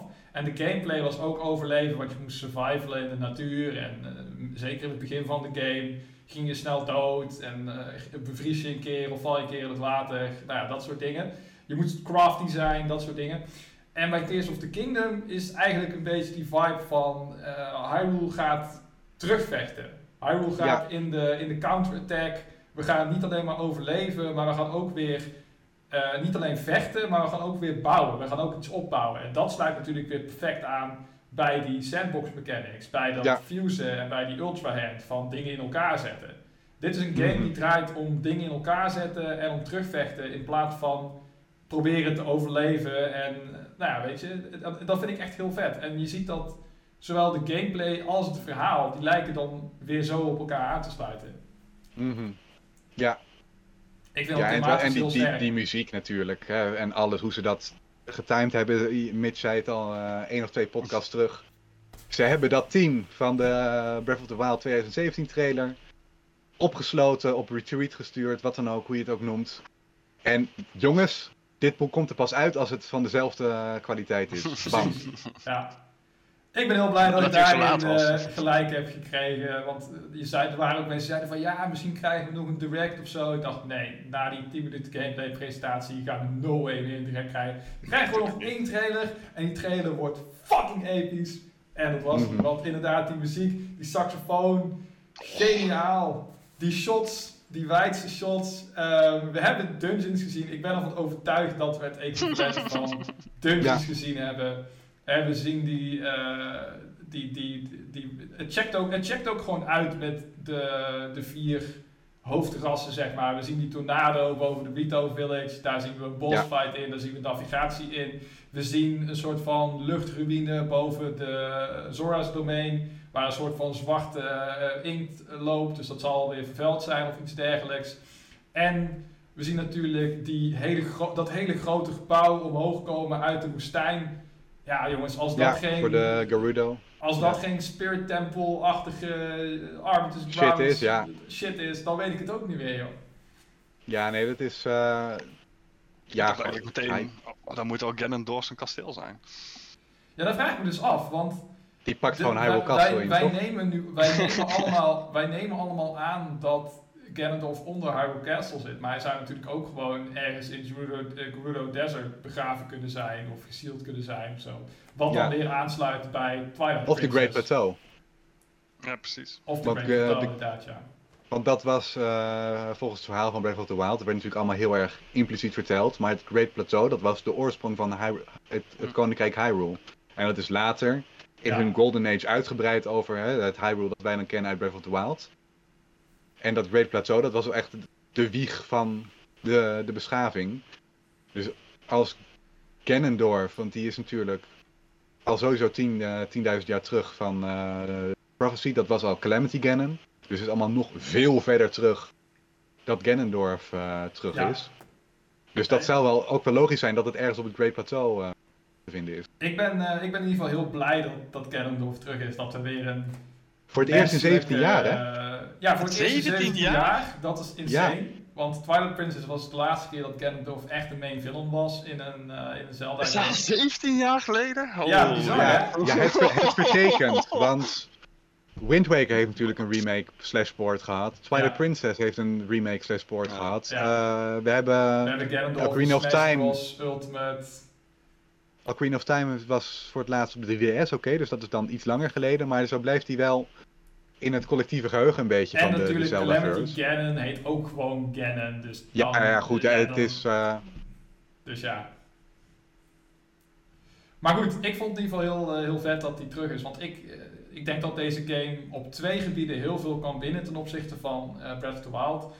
Uh, ten eerste het feit dat ze de wereld nog meer kunnen vullen met content. Want ik ben nog steeds van mening dat sommige gebieden in Breath of the Wild, sommige uh, provincies... Die zijn leeggelaten. Die zijn gewoon leeggelaten. Of in ieder geval, daar is te veel leegte. neem bijvoorbeeld die Gerudo Highlands, dat hele sneeuwgebied. Derde sneeuwgebied in de game. Geen enkele kut te doen, helemaal niks. Een paar shrines en een Lionel en that's it. Dus daar ja, en die sneeuwballen game. Die sneeuwballen, game zit op Hebra Mountains. oh, oké. Ja, Hebra Mountains uh, is het eerste sne grote sneeuwgebied. Dan heb je Mount Lenewu, dat is het tweede sneeuwgebied. En je hebt dus Gerudo Highlands, wat een hele provincie is boven Gerudo Desert. Wat eigenlijk hmm. gewoon een paar van die van die... Uh, oh, dat gebied. Ja, dat nee, daar was niks te doen, nee. Texas-achtige ravijnen zijn met gewoon sneeuw ja, ja, op. En daar kan je echt helemaal niks doen. Ik, ik, ik, ik daag echt uit om daar iets van content te vinden naast de shrine. Ja, Want er, zit er lagen iets van drie shrines en dat was het, ja. Ja, dat was echt... Uh, dat vond ik echt de meest matige area in de hele game. Dus ze kunnen die wereld gewoon nog beter vullen. En het verhaal. Want het verhaal in Breath of the Wild is tof, maar heel passief. Dus ze kunnen dat nu eindelijk actief maken. Ze kunnen eindelijk uh, Ganondorf een menselijke schurk maken. Dus met menselijke motivaties. En waardoor je toch wat meer een connectie ermee hebt dan met zo'n uh, Force of Nature als Calamity Ganon. Wat eigenlijk gewoon een gezichtsloze uh, natuurramp Force of Nature was, ja. Precies. Dus ja, ik vind het heel, heel vet in ieder geval. En we hebben natuurlijk voice acting. Matthew Mercer is uh, Ganondorf. Bevestigd inmiddels. Dat mocht hij uh, doen na die uh, epische trailer. Vinden we dat een beetje stof? Ja, ik, ik, kende die kerel niet echt. maar ik ken hem ook niet. Hij klonk wel goed, ja. Ik, maar ja, hij klonk wel aardig. Maar ik heb ook de Franstalige en Duitsstalige versies van de trailer gekeken. En die vond ik eigenlijk toch wel beter. De Duitsstalige? De Duitsstalige was echt heel slecht. Ik ja, oké, okay, dat... Um, waar die, die, Alleen Ganondorf dan, hè? Die, vond ik, daar, die stem vond ik in Duits echt gewoon goed. Die vond ik echt slecht. Maar uh, waar uh, die vertelt van uh, Zelda. we vertrouwen allemaal op, dat, op jouw ridder met dat zwaard van hem. Ja, dat klonk echt niet in Duits. Ik vond die, die, die schreeuw van Ganondorf in het Duits vond ik klinken alsof hij een soort van oud mannetje. van, alsof hij zijn skill vast had. Ik vond het echt heel totaal niet imponerend vergeleken hmm. met de, de Engelse of welke andere taal Maar goed, dat eventjes terzijde. We gaan de game toch niet in het Duits spelen. Personal taste. Nee, tenzij, natuurlijk niet. Tenzij Rick eventjes, uh, ja, misschien toch... Ein, zwei, politie. uh, even kijken, we hebben nog uh, Daan in de chat. Uh, die zegt, in een advertentie is ontdekt dat er ook een ondergronds gedeelte aanwezig is, heel diep ondergrond. De vraag is aan jullie, is dat volgens jullie een dungeon, een grote grot of een hele ondergrondse wereld? Nou, ik denk dat de dat de consensus nu onder uh, Zelda, YouTube, uh, Amerika en Nederland, want sommige Engelstalig, het Nederland, ja. um, is dat we inderdaad ondergrondse areas krijgen. En waarschijnlijk... De Engelstalige Zelda-verse. Precies, de Engelstalige Zelda-verse, mooi samengevat. Nee, maar we hebben natuurlijk al gameplay gezien ondergronds. We hebben gameplay gezien in een lavagebied. Dat is zeer waarschijnlijk de binnenkant van Dead Mountain. Ik denk namelijk ook dat als ze slim zijn, want ze hebben die gebouwen al. Ze hebben al een Akala Citadel, ze hebben een berg als Dead Mountain, ze hebben een berg als Hebra. Ja, als je daar nu in kan als het ware en ze daar een heel soort van interior Dungeon, hebben eh, idee, van eh, gemaakt. Of Maar dan dingen. XXL. Dat is, gewoon, dat, dat, dat is gewoon tof, dat kan heel tof zijn. Ehm, we hebben natuurlijk kaart ook... zal wel echt lastig worden, jongen. Ja, ik, ik, het zo 3D. Je moet, Ik heb, geen, ik heb echt medelijden met het team hoor. Ze moeten niet alleen Breath of the Wild opvolgen, wat al een enorme opgave is. Maar ze hebben nu Mhm. dus de surfacewereld, ze hebben de luchteilanden. Dan moet je dan ook die twee zijn allemaal- zeker. En Die dan waarschijnlijk ook nog eens ondergrond. En dan ook nog Ja. eens ondergrondse gebieden. En dan moet je allemaal ook maar eens in kaart gaan brengen. Ja. En kijken wat wel en niet overlapt. Of wat er gebeurt als jij als Link eh, Ascent gebruikt. Ja, Ja, dan moet jij ervoor zorgen dat jij nooit vast kan komen te zitten ergens. Toch? Dat Ja. je denkt van, yo, eh, waarom... dat, ga- dat, gaat, dat gaat ergens gewoon een keer mis. Daar, daar moeten een paar patches voor uitkomen. Maar Nou, noem maar, Dat is had ik al gezegd dat die ability specifiek Ascent, dat die wel... Niet beetje, overal, hè? Ja, ja, dat die niet overal werkte en dat een beetje tricky was, maar... dus daar hebben ze al een beetje zijn eigen voor Ja. ingedekt. Ja, nee, Ja, maar dat moet denk ik ook wel, want Ja. als je, als je om verhaalredenen. Ik weet niet waar Ganondorf uiteindelijk zit, ja, dat moeten we allemaal nog uitblijken. Maar als jij weet waar dat is, en je wil verhaaltechnisch dat daar een, een epische entree komt, ja, dan wil je niet dat je zo, ah, nou, dan zit ik hier eventjes, hier het kruisje, en dan gaan we zo ascent. Hoi Ganondorf. Ja. Ja, maar ze hebben wel al gezegd, ze hebben wel al gezegd eh, in eh, officiële promotiemateriaal dat er bepaalde vijanden zijn waar je door kan ascenden. Oh, dat is wel vet. Ja, Oh, Oh, dat zijn misschien waarschijnlijk die wel... eh, Telluses. ja, ik wil zeggen, die Tellus zal het wel zijn, ja. ja die Stone je is ook die, natuurlijk eh, obvious, want dat is natuurlijk gewoon één groot stuk rots. Dus als je daar doorheen Mhm. kan ascenden, dat zou natuurlijk vet zijn. En ook perfect, want je moet hem aanvallen van bovenop Op zijn bovenkantje, Ja, ja. ja, ja, ja, ja. Maar dat soort dingen, ja, er, er zijn zoveel dingen al bekend, maar tegelijkertijd nog zoveel Ook nog vragen. zoveel niet, hè? nog Ja. helemaal niets over de structuur van de, van de game. Eh, zijn shrines terug? Weten we niet. Waarschijnlijk wel, maar weten we niet. Zijn We er nou zagen wel echt... iets wat erop leek, maar of dat nou Ja, dat is wat precies. je aangeeft, we weten het nog niet. Het is een we- allemaal Hebben, suggestie. hebben we nu de binnenkant van dungeons gezien of hebben we de aanloop naar dungeons gezien? Dus dat je eerst een soort van Zijn er geen event doet dungeons? in de overworld. Zijn er geen dungeons? Dat kan ook nog inderdaad. Eh, we weten het allemaal niet. Het is zo, het is zo, het is zo. Ik kijk er zo naar uit om die game op te starten en gewoon eindelijk denken van oké, dit is het verhaal, dit is wat je moet doen, moment. dit is de structuur van de game. Dat is allemaal, wordt allemaal geheim gehouden.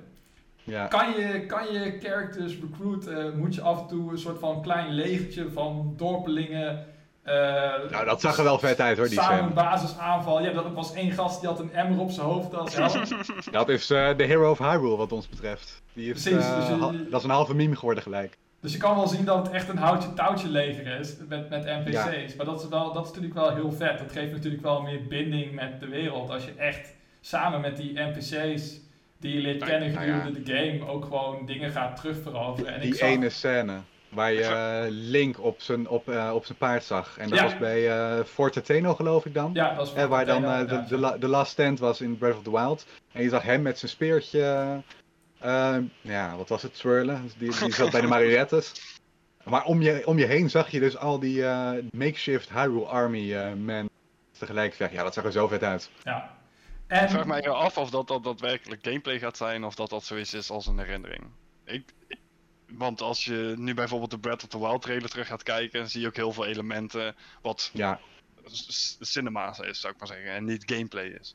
En ik denk dat dat bij deze trailer ook heel erg het geval is en dat er wellicht... nou, het, is goed, het eh, is goed uitgelicht. Nee. ja, maar ik denk, uitge- ik, denk dat je, ik denk dat je de cutscenes wel duidelijk kan onderscheiden van wat gameplay is. Of in ieder geval, als je die shot ziet, dat ze zeg maar zo laten zien dat Link daar zo staat op een groen veld waar verder niks is, met een paar ventjes en een Goron en dat soort dingen en zo. Of dat Ja. hij aan het vechten is bij Fort Atheno, dan zit hij op zijn paard, draait hij die sfeer zo rond, wat, wat ook een in-game move is trouwens. Dat heb ik laatst ook ontdekt. Ja, ja, klopt ja. Dat wist ik dus helemaal niet voor deze trailer. Dus dat, die kan zo in een, eh, in een YouTube-video met de dingen die je nog niet wist over Breath of the Wild eh, voor de 400ste keer.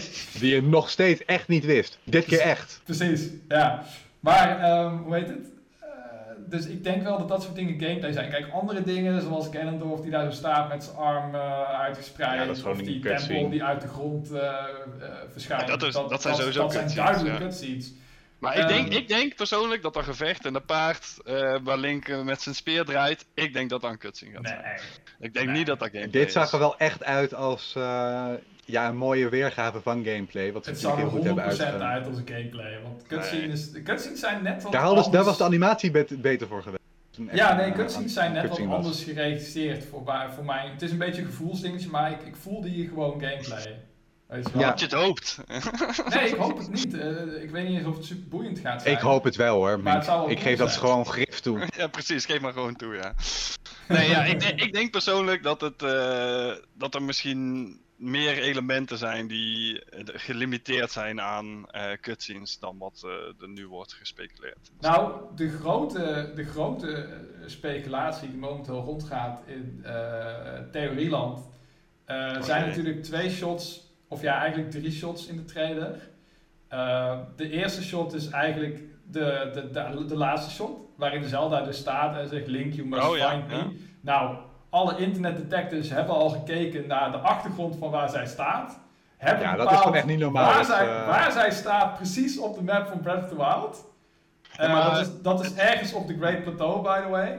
Maar eh, dat zou dus onzin zijn, want als je haar dan zo makkelijk kan vinden, dan is het enige wat je hoeft te doen, is gewoon naar die plek toe gaan. Naar en die map. van, hey, hier ben ik. Naar dit X, naar dit kruisje en dan Precies. ascend. Dus de vraag is dan, zit Zelda in een andere dimensie? Eh, zit ze in een andere, Andere tijd? tijdzone. Ja, dat Krijgen we wederom, wat natuurlijk een time-tested eh, Zelda-ding is, Ja, tijdreizen? time travel.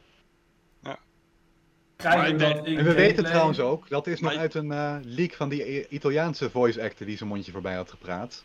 Die zei dat hij een ancestor van Daruk ook... eh, Ja, oké, Dat maar ik bedoel, meer van ik bedoel meer van, ja, de- dat, dat we iets met time travel krijgen in cutscenes, dat geloof ik wel. Want dat was in Mhm. Breath of the Wild namelijk ook zo, krijg je ook cutscenes Mhm. van 100 jaar geleden, bla bla bla. Nou ja, het zal nu wel 10.000 plus jaar geleden zijn.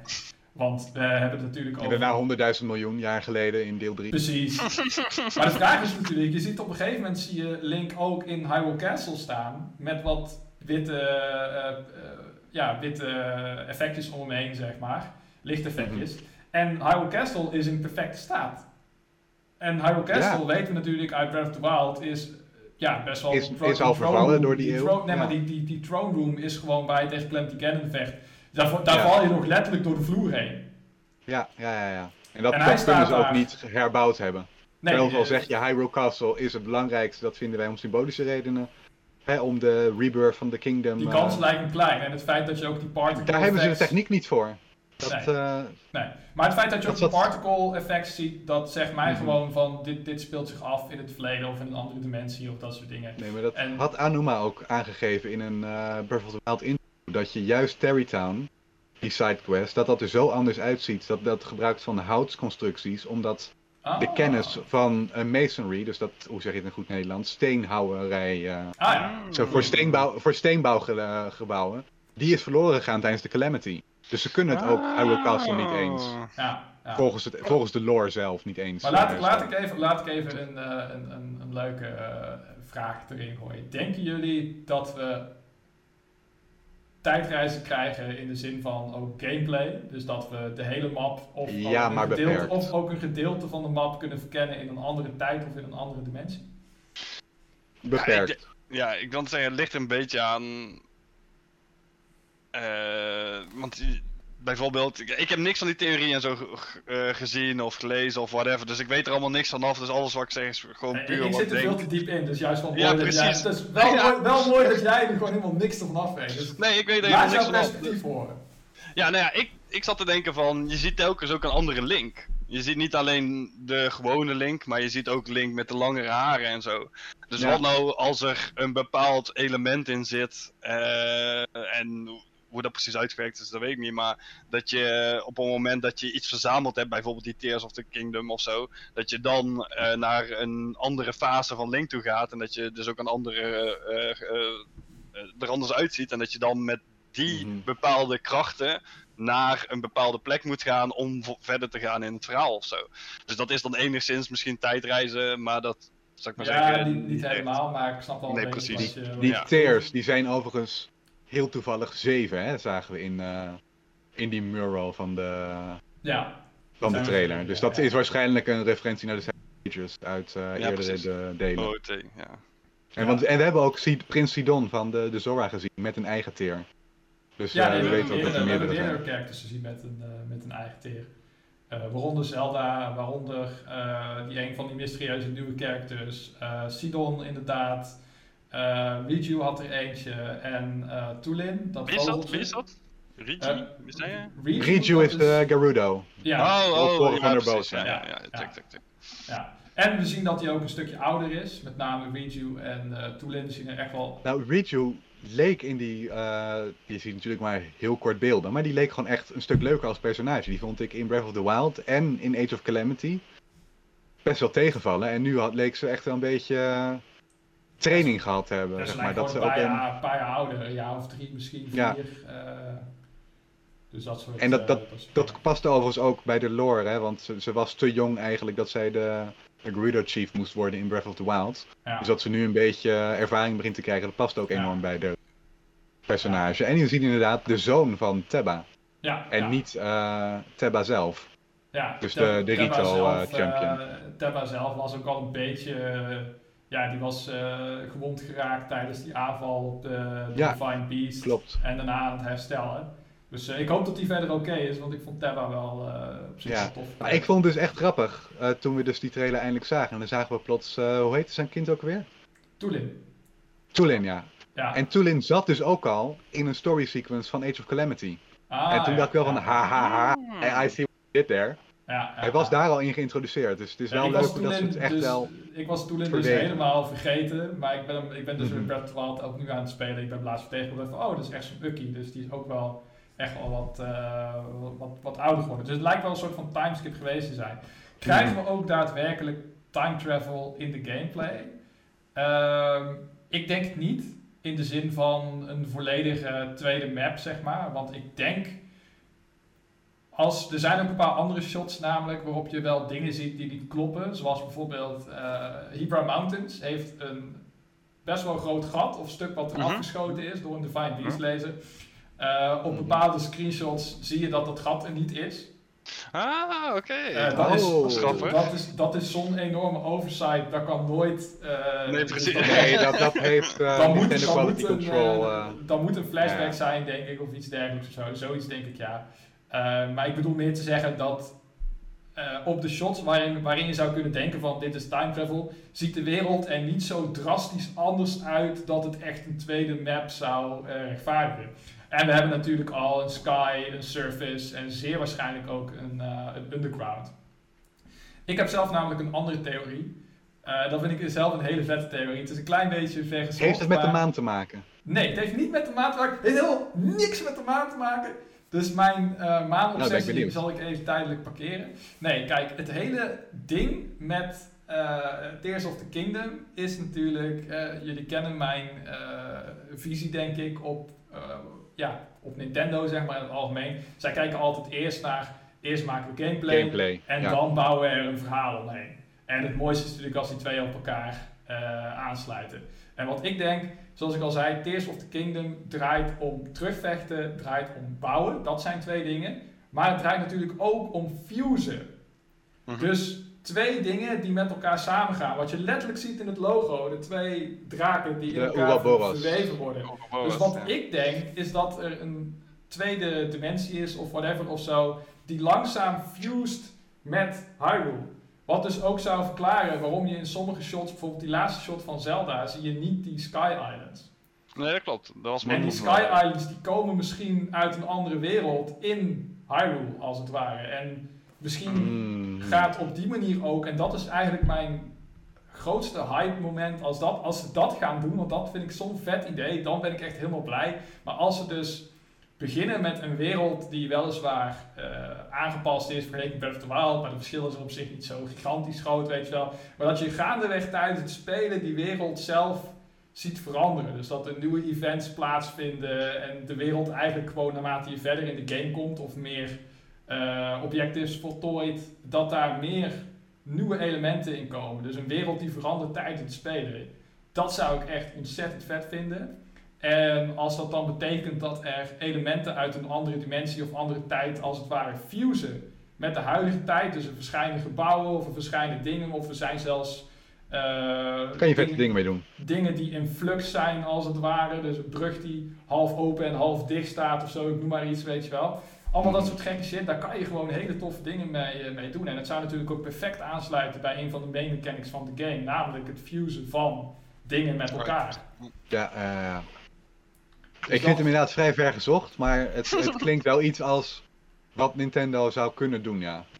Ja, het is vooral dat het een gigantisch... Uh, het past bij hun denkwijze. Het past bij hun denkwijze, maar het is wel echt natuurlijk een enorme opgave. Maar ik denk wel van, ja, weet je, ze zijn er wel even mee bezig geweest. Dus als ze zoiets gaan doen, dan zou, het, zou, het zou ook weer niet verbazen. Ze, ze, en als ze het niet gaan doen, dan hoop ik dat de Time Shift Stones terugkeren. Die kwamen uit Skyward, Sword, toch? Ja, en deze game, deze game leek natuurlijk... Die heb ik gespeeld. Wat herinner ik me daar nog van? De Time hopelijk. Eh, hoe ver ben je gekomen in Skyward Sword? Hoe ben je gekomen Ik heb hem uitgespeeld. Je hebt hem uitgespeeld, oké. dan ben je dus in de woestijn geweest. En het meest memorabele moment voor mij in Skyward Sword... Ja, dank je. Yes, ik weet het weer. Dank je wel. Maar je uh, niet om leven komen dan uh, in de desert. Dat al, precies, alle gas dat, en zo. Dat, ja, dat, precies. Dat, ja, ja, ja, maar ook vooral dat moment dat jij aan het surfen bent op een schip door een zee die al lang niet meer bestaat. Want dat is zand geworden. Die zee is opgedroogd. Mm. Maar als jij die timeshift stone activeert, dan krijg je zo'n oh, bubbel om je schip heen. Waardoor dus de zee, of uh, nee, uh, de woestijn voor jouw ogen weer verandert in zee. En dat vond ik zo lijp.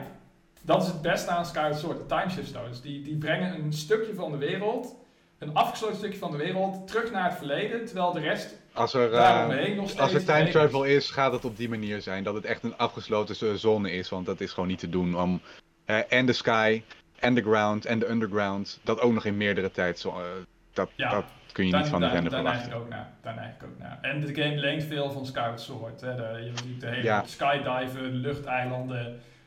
Dus ze zijn duidelijk, ze hebben duidelijk naar Skyward Sword gekeken en ze hebben gedacht van welke elementen hiervan moeten wij waren toen niet goed genoeg uitgewerkt en kunnen we nu wel uh, beter uitwerken. Ja, het lijkt ook een klein beetje de invloed te zijn van uh, de director van Breath of the Wild. Hè? Uh, he, ja, ik weet zijn voornaam niet, maar die me Bayashi-san. Ja. ik weet niet wie dat zijn, Mitch was het geloof ik, helemaal bedankt. Top. Ja, Hidemeo, Hidemeo Fujibayashi die hebben ze destijds bij Capcom gepoached. Toen hij uh, met de, de Oracle Games zo goed had gepresteerd en Minish Cap zo goed had gedaan. En die zit sinds Skyward Sword. Is hij eigenlijk de, de director, de, de, de second in command van Anuma-san. En alles wijst erop. Op een gegeven moment gaat Miyamoto echt met pensioen. En dan wordt uh, Anuma waarschijnlijk doorgeschoven naar een hoge positie. En dan neemt Fujibayashi de Zelda-serie over. Ja. En je lijkt aan alles te zien hè, dat uh, die drie games, de, de drie grote Zelda-games waar Fujibayashi sinds hij bij Nintendo zit en heeft gewerkt, dat zijn dus Skyward Sword, Breath of the Wild en Tears of the Kingdom. En die lijken in die zin echt door te trekken wat hij heeft geleerd, want hij heeft echt wel flinke invloed op uh, de ontwikkeling. En dat hij daarop doorbouwt. Ja, nee, dat, dat is deels wel waar. Het is natuurlijk ook deels het hele, het hele team wat, uh, wat, wat dingen leert. Maar hij is wel de regisseur geweest sinds Skyward Sword, zeg maar, als het ware. Mm -hmm. uh, hij heeft ook uh, Minish Cap heeft hij ook uh, gedaan, waar trouwens ook een Skywereld in zat. Dus dat is ook wel grappig mm -hmm. dat je dat ziet. Dat in eigenlijk alle games waarin hij heeft gewerkt, behalve Breath of the Wild, een, een Skywereld zit.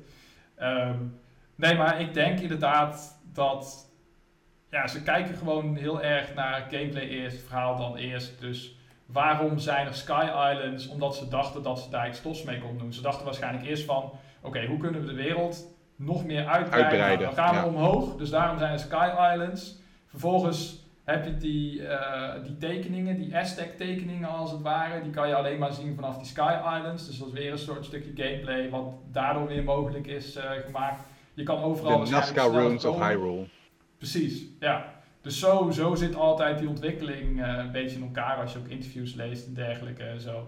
Skyward Sword precies hetzelfde. Waarom is die game het ontstaan van het Master Sword? Niet omdat ze het ontstaan van het Master Sword wilden vertellen in eerste instantie, maar omdat ze het zwaard centraal wilden zetten. Want het zwaard is de Wii, uh, de Doen ze weer, hè? controller. Ja, En Waarom doen dat ze wilden ze keer? centraal zetten. Dus ze dachten van, oké, wat voor soort verhaal past erbij dat wij het zwaard centraal zetten? Ja, het ontstaansverhaal van de Master Sword. En dat is de volgorde. Het is niet van, oh, we willen het ontstaansverhaal van de Master Sword vertellen. We hebben nog een Wii, motion, Wii Remote liggen, misschien Motion moeten we dat daarmee doen. Ja. Nee, het is gewoon van, ja, we willen deze gameplay en we gaan Mhm. dit verhaal eromheen bouwen. Dus daar kun je altijd wel, eh, wel wat hints uithalen. En dat vind ik altijd, En een vind ik altijd leuk. vraag zie ik van Daan in de Twitch-chat. Denken wij dat Demise, ook wel bekend dus uit Skyward Sword, in Tears of the Kingdom zit? Want daar eh, wordt ook al eh, over gespeculeerd. Ja, nee, ik denk het niet. Ik denk het niet. En ik zou ook zeggen waarom Niet? niet. Nee, want eh, ten eerste, er is al heel veel ingezoomd en gepauzeerd op die shot waarvan mensen denken dat het de mais is. Demi- Demise is, ja. Maar je ziet duidelijk de neus van Ganondorf. En hij heeft ook de teer van Ganondorf. En nou ja, eh, de handen komen overheen, de positie komt overheen. Eh, die, die shots zijn waarschijnlijk gewoon in de tegenovergestelde volgorde. Dus je Mhm. ziet later dat Ganondorf zo... Weet je wel, gaat. En waarschijnlijk Ja, ja. is die, die vorm die je dan eerst in de trailer zit, is daar zeg maar het resultaat eh, van. Dus ze hebben de volgorde gewoon omgedraaid. Eh, ten tweede, eh, de mais is dood. En Ganondorf... Nee. Ganondorf is in feite de spirituele opvolger daarvan. Opvolger van In ieder geval. De, de- de curse van Demise, de hate precies, reborn, hij is, bla bla hij is, hij is, hij is de, de, de, de, de menselijke De- vorm, zeg maar, die de curse van Demise het beste, zeg maar, eh, Vertegenwoordigd, vertegenwoordigt, inderdaad, ja, precies. belichaamd, hoe je Dus eh, mensen denken dan van ja, maar Demise en Ganondorf zijn twee verschillende personen. Nee, want Demise is gewoon dood en hij is als het ware. ja, Demise is niet dood, toch? Hij is niet gereïncarneerd, maar hij heeft wel een curse uitgesproken waardoor iemand zoals hij of die zijn waarde uitdraagt, zeg maar, altijd in conflict zal zijn met de held. En omdat Ganondorf Mhm. vervolgens de eh, Triforce bemachtigd heeft, of eh, de Triforce Ja, ja, Power ja. heeft, gaat hij nooit dood, maar kan hij alleen maar gesield worden eh, tot en met Wind 2 Nou van ja, Twilight Princess. Demise was toch niet helemaal dood? Hij was helemaal dus diep, diep, diep, diep, diep in de Master Sword gesealed. Ja, dat klopt. Totdat wel. hij eigenlijk niet meer bestond. En dat Master Sword is nu caduc. Ja, nee, dat, Daar dat, komt de theorie vandaan. Dat is waar. Dat is op zich dus een leuke theorie, maar ik denk niet dat de mais er echt in gaat zitten. Want ja, de mais is een beetje een soort van, ja, hoe zou ik het zeggen? Een- Een one-off character voor één game. En, een eh, one-off character, maar ook een beetje een soort van blank slate als het ware. Hij heeft niet echt een persoonlijkheid, hij heeft niet echt... ja, het was eh, natuurlijk de, de- hij was ook een beetje de, de het- personificatie van het kwaad. Ja, het is het, een het, is het met... oerkwaad. Het is het oerkwaad. En het oerkwaad hoeft geen karakter of persoonlijkheid te hebben. Het is gewoon net als van, ja, wat was er voor het universum? Ja, de Big Bang. Ja, wie, wie, wie deed dan de Big Bang? En zo kun je de hele tijd doorgaan. En bij Nintendo heeft toen daar de mais ingevuld. Van wat was er voor Ganondorf? De mais.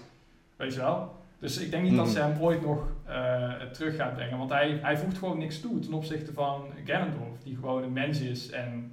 Nou ja, we hebben natuurlijk ook wat we vermoeden dat Hylia is gezien. Dus dat zou in die zin nog wel weer een twee, eh Ja, ik denk ook niet dat dat Hylia is. zijn. Ik denk ook niet dat het Hylia is. Stond dat niet in die leak? Daar, eh, stond er niet de tekst Hylia bij? Nee, Oké, dat heb ik dan... eh, nee. Er stond geen eh Hylia bij. Sowieso, eh, ik denk ook even spoilers dat we het niet over leaks moeten gaan. eh, gaan. Ehm, ik eh, hou helemaal Zou mijn fijn zijn. maar eh, nee, maar dat was een personage dat we ook hebben gezien in de trailer. Het is, een,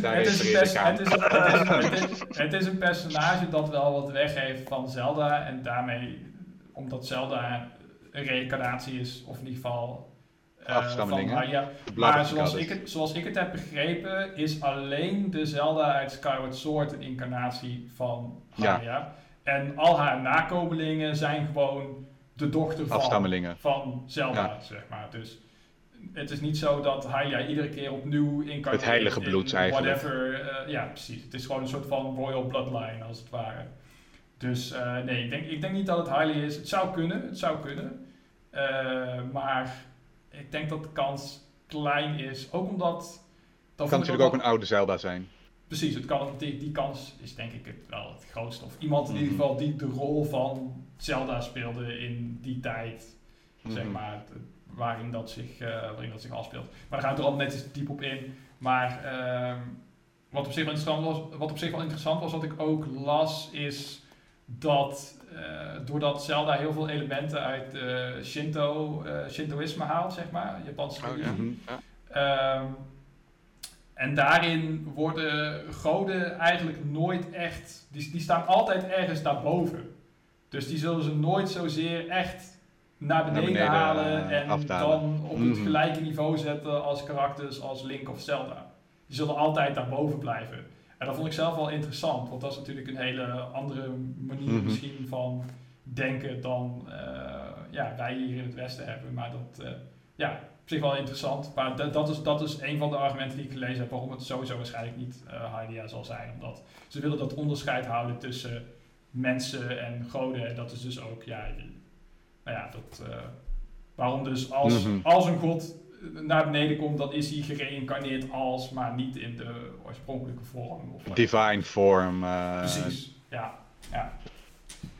Dus ja, heel veel Behalve interessante dingen in ieder geval. Eh, ik ben mega hyped, ik ben aan het aftellen. Volgens mij is het vandaag op het moment dat wij dit opnemen op de 24ste eh, nog 18 dagen. Oeh. Eh, en ik heb de trailer denk ik tot nu toe wel iedere dag gezien. Oh Dus, nee, eh, dat, ja, eh, ik, eh, ik die trailer was binnen 24 uur iets van 5 miljoen keer gekeken. Ja. Daar ben ik verantwoordelijk voor 1 miljoen, maar daarna, daarna was het ook klaar. nee, ik, ik zit nog steeds theorievideo's te checken. Er zijn nog steeds Mhm. mensen die nieuwe dingen ontdekken. Ja, het is gewoon... Ik hou daarvan, ik heb het al een keer eerder gezegd, de, de aanloop naar deze Zelda voelt als één grote puzzel. En dat... Waar, waarin we allemaal met z'n allen proberen te achterhalen wat Nintendo in godsnaam voor onze petto heeft. We willen tegelijkertijd ook weer niet te veel weten, maar we willen wel op basis van de hints die Nintendo ons geeft, het, het broodkruimelse spoor dat ze achterlaten, dat we denken van oké, wat voor informatie, wat kunnen we nog meer te weten komen op basis van dat minieme stukje wat Nintendo ons heeft laten zien van deze wereld. Ja, ik vind dat heel, heel leuk. Ik voel me dan echt weer eh, een kind van, eh, van tien, wat eh, vol enthousiasme aan een of andere speurtocht De dag voor pakjesavond. Ja, nee, ja, dat, dat is de perfecte vergelijking. Ik zeg altijd, de release van een Zelda-game voelt voor mij altijd als Sinterklaas, Kerstmis en mijn verjaardag die op dezelfde dag vallen. Gebeurt maar één keer in de zes jaar tegenwoordig, maar dan is het wel echt gewoon feest. En dan neem ik ook gewoon een week vrij van werk en dan zal het allemaal wel. En dan, ja, het wordt echt fantastisch. Echt leuk. En wat vindt de baas ervan, Mitch? De baas eh, zegt, eh, goed. Ja, ik heb gewoon mijn verlofdagen die ik kan opnemen. Dus, eh, Kijk, die, die, die reserveert Mitch daar gewoon voor. Die heb ik gewoon eventjes gereserveerd. Ik vind dat dat één keer in de... Ik doe dat nooit voor een game, maar één keer in de vijf, zes jaar moet dat wel kunnen vinden. Moet dat lukken. En anders, anders zou je traantjes van het koninkrijk huilen. En dat kunnen we ook niet hebben.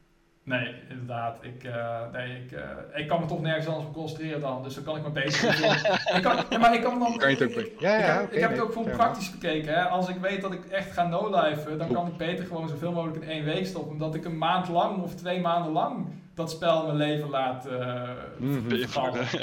Snap je? Dus eh, het, is, ook- het is ook een beetje zelfbescherming eigenlijk.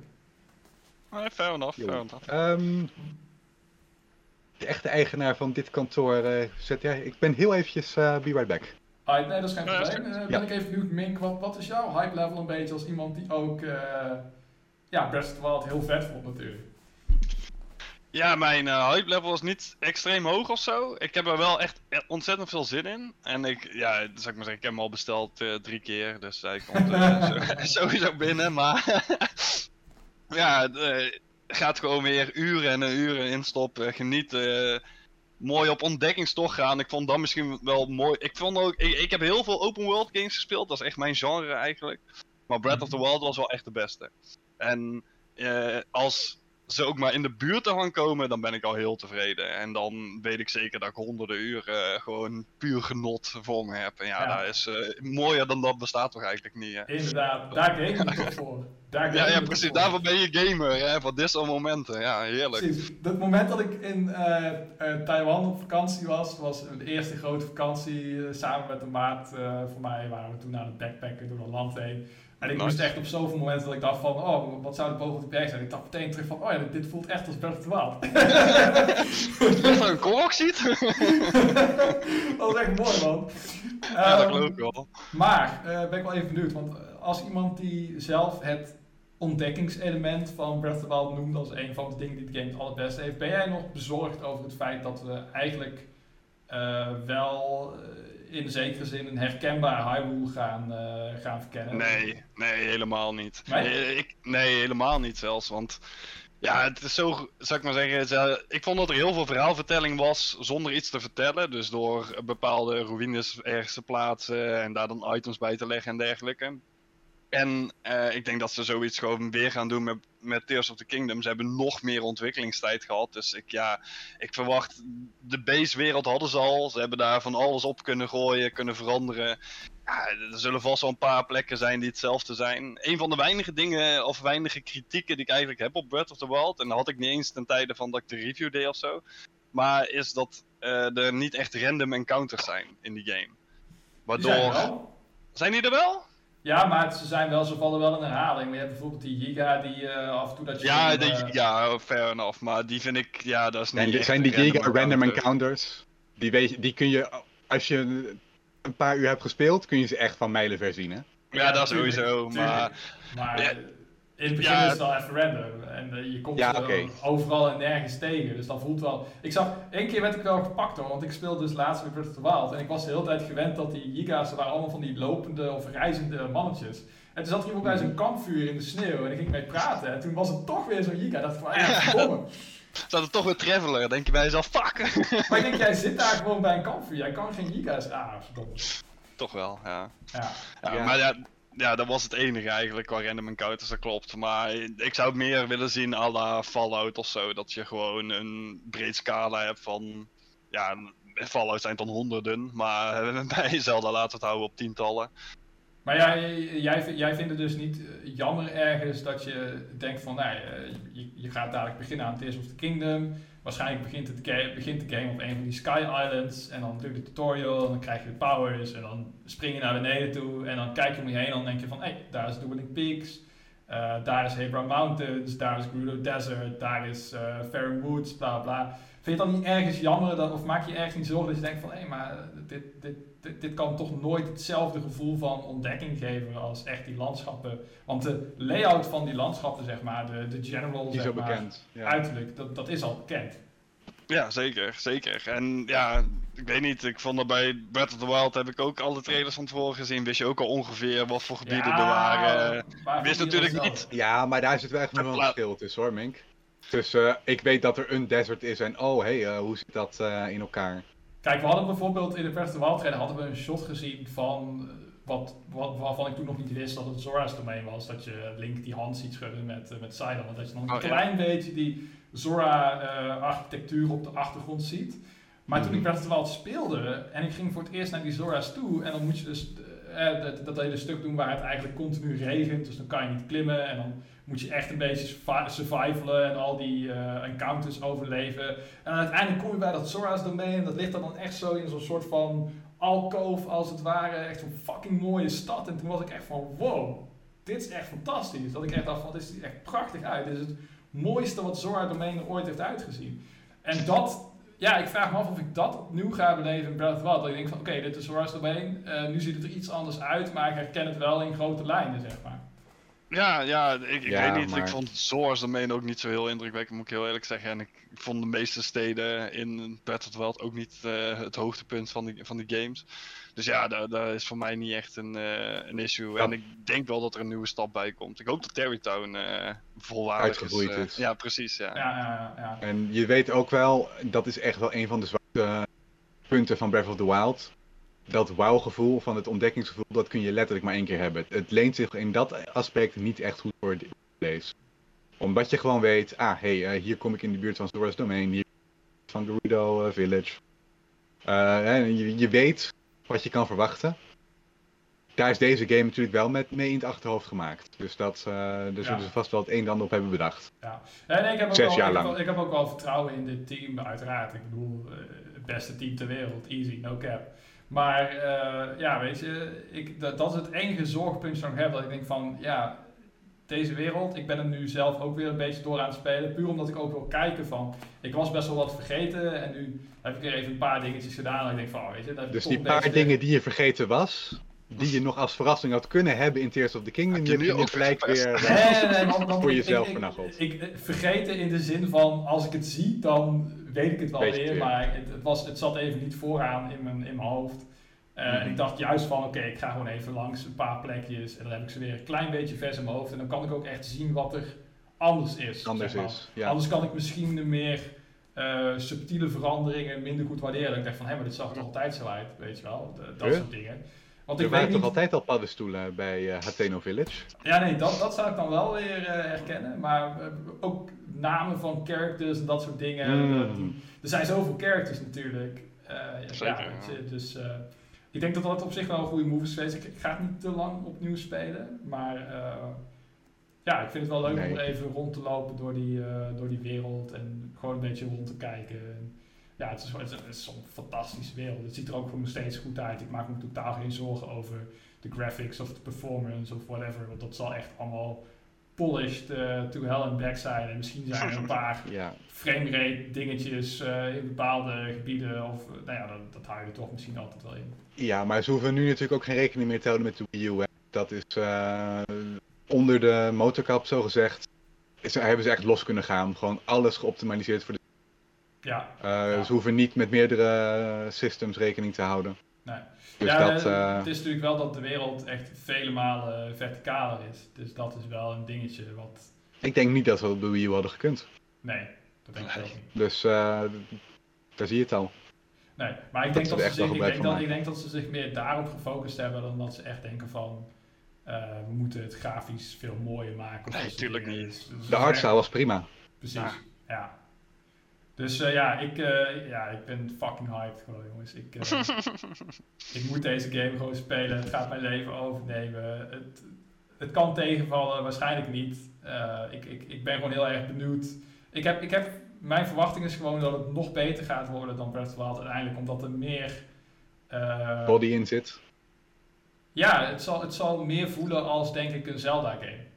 Dan Breath of the Wild doet. En Dat is altijd leuk. Breath of the Wild voelt al heel erg als een Zelda game, maar in bepaalde opzichten... eh, Ook heel erg eh, hè, nieuwe conventies, breken met conventies, misschien net iets precies. te veel. En ik denk dat... Ik denk dat eh, ja, ik, ik, denk dat, ik denk dat Nintendo wel een manier weet te vinden om toch een paar van die De oude, balans tussen. quote-unquote conventies te integreren op zo'n manier, zoals dungeons, of misschien toch iets meer structuur. Of dat je bijvoorbeeld eerst, ja, nu heb je vier Divine Beasts die iedere volgorde eh, eh, kan doen. Wat als ze gaan voor het idee van bijvoorbeeld A Link Between Worlds, waarin je bijvoorbeeld de eerste drie, vier dungeons zelf mag kiezen. dat vond ik goed en, werken. en als je die dan gehaald hebt, dan komen er weer vier nieuwe dungeons die dan weer in eh, welke volgorde je wil kan, Mhm. kan doen. Bijvoorbeeld zoiets, dat je Ja, toch ja. een soort van progressie-idee hebt van dat ze ervan uit kunnen gaan van oké, je hebt deze vier dungeons ge- gedaan, je weet hoe dit werkt, dus nu kunnen we de puzzels en andere dingen nog wat complexer maken of de uitdaging nog wat, eh, wat vergroten. Mhm. Want dat is wel het tweede minpuntje voor mij van Breath of the Wild. Eh, op een gegeven moment heb je die game gewoon door. En de enige manier waarop ze het dan nog uitdagend kunnen maken is door alles van je af te pakken. Zoals in Eventide. Eventide, ja. Of eh, de Trial of the Sword DLC. Of die Champions Ballad DLC waarin je een wapen hebt, waarin je in één klap dood bent. Dat soort dingen. Ja, dat voelt allemaal heel kunstmatig. Dat ik denk van... Ja, ik heb die DLC ook nooit gespeeld. Het is, het is Heb vet. je nooit gespeeld? Nee. Nee? Oh, die is zo goed, joh. Nou, nou... Oh, ik Ik- vond dat wel. Ik vond het niet Ik heb volgens mij de cutscenes op YouTube een keer gekeken, maar ik voelde me niet heel erg... De eh, cutscenes vond ik wel helemaal niet. eh, vond ik Nee, ik kan zeggen, de cutscenes van- waren niet eh, Nee. hetgeen waarom je het moet spelen. Nee, het was Nee. gewoon. De shrines waren wel, shrines. de shrines Ja, waren wel goed ja. hoor. Echt hele Oké, tof nou ja. shrines. Ja. Maar de, de, de, de dungeon of zoiets, die vond ik tegenvallen. Ik had niet eens het idee... Ik, ik had niet eens... Ik, ik had helemaal geen beeld van hoe die dungeon eruit zag aan de buitenkant. Het was een soort van... het was ondergrond. Ja. Ja, maar het, het was dan een soort van divine beast, maar ook weer niet. Ik, ik maar het was geen niet- beest. Ja, nee, precies. Ik ja, snap nog steeds echt- niet wat ik nou aan het spelen was. Het, voelde gewoon als een shrine. Ja, het was eigenlijk, eigenlijk was dat het meest wat op een dungeon lijkt eh, in eh Breath of the Wild wat we hebben gekregen. Het waren gewoon verschillende kamers waar je in moest en shit moest oplossen en dan weer naar buiten toe gaan om daar weer een andere oplossing te vinden om naar een andere kamer toe te gaan.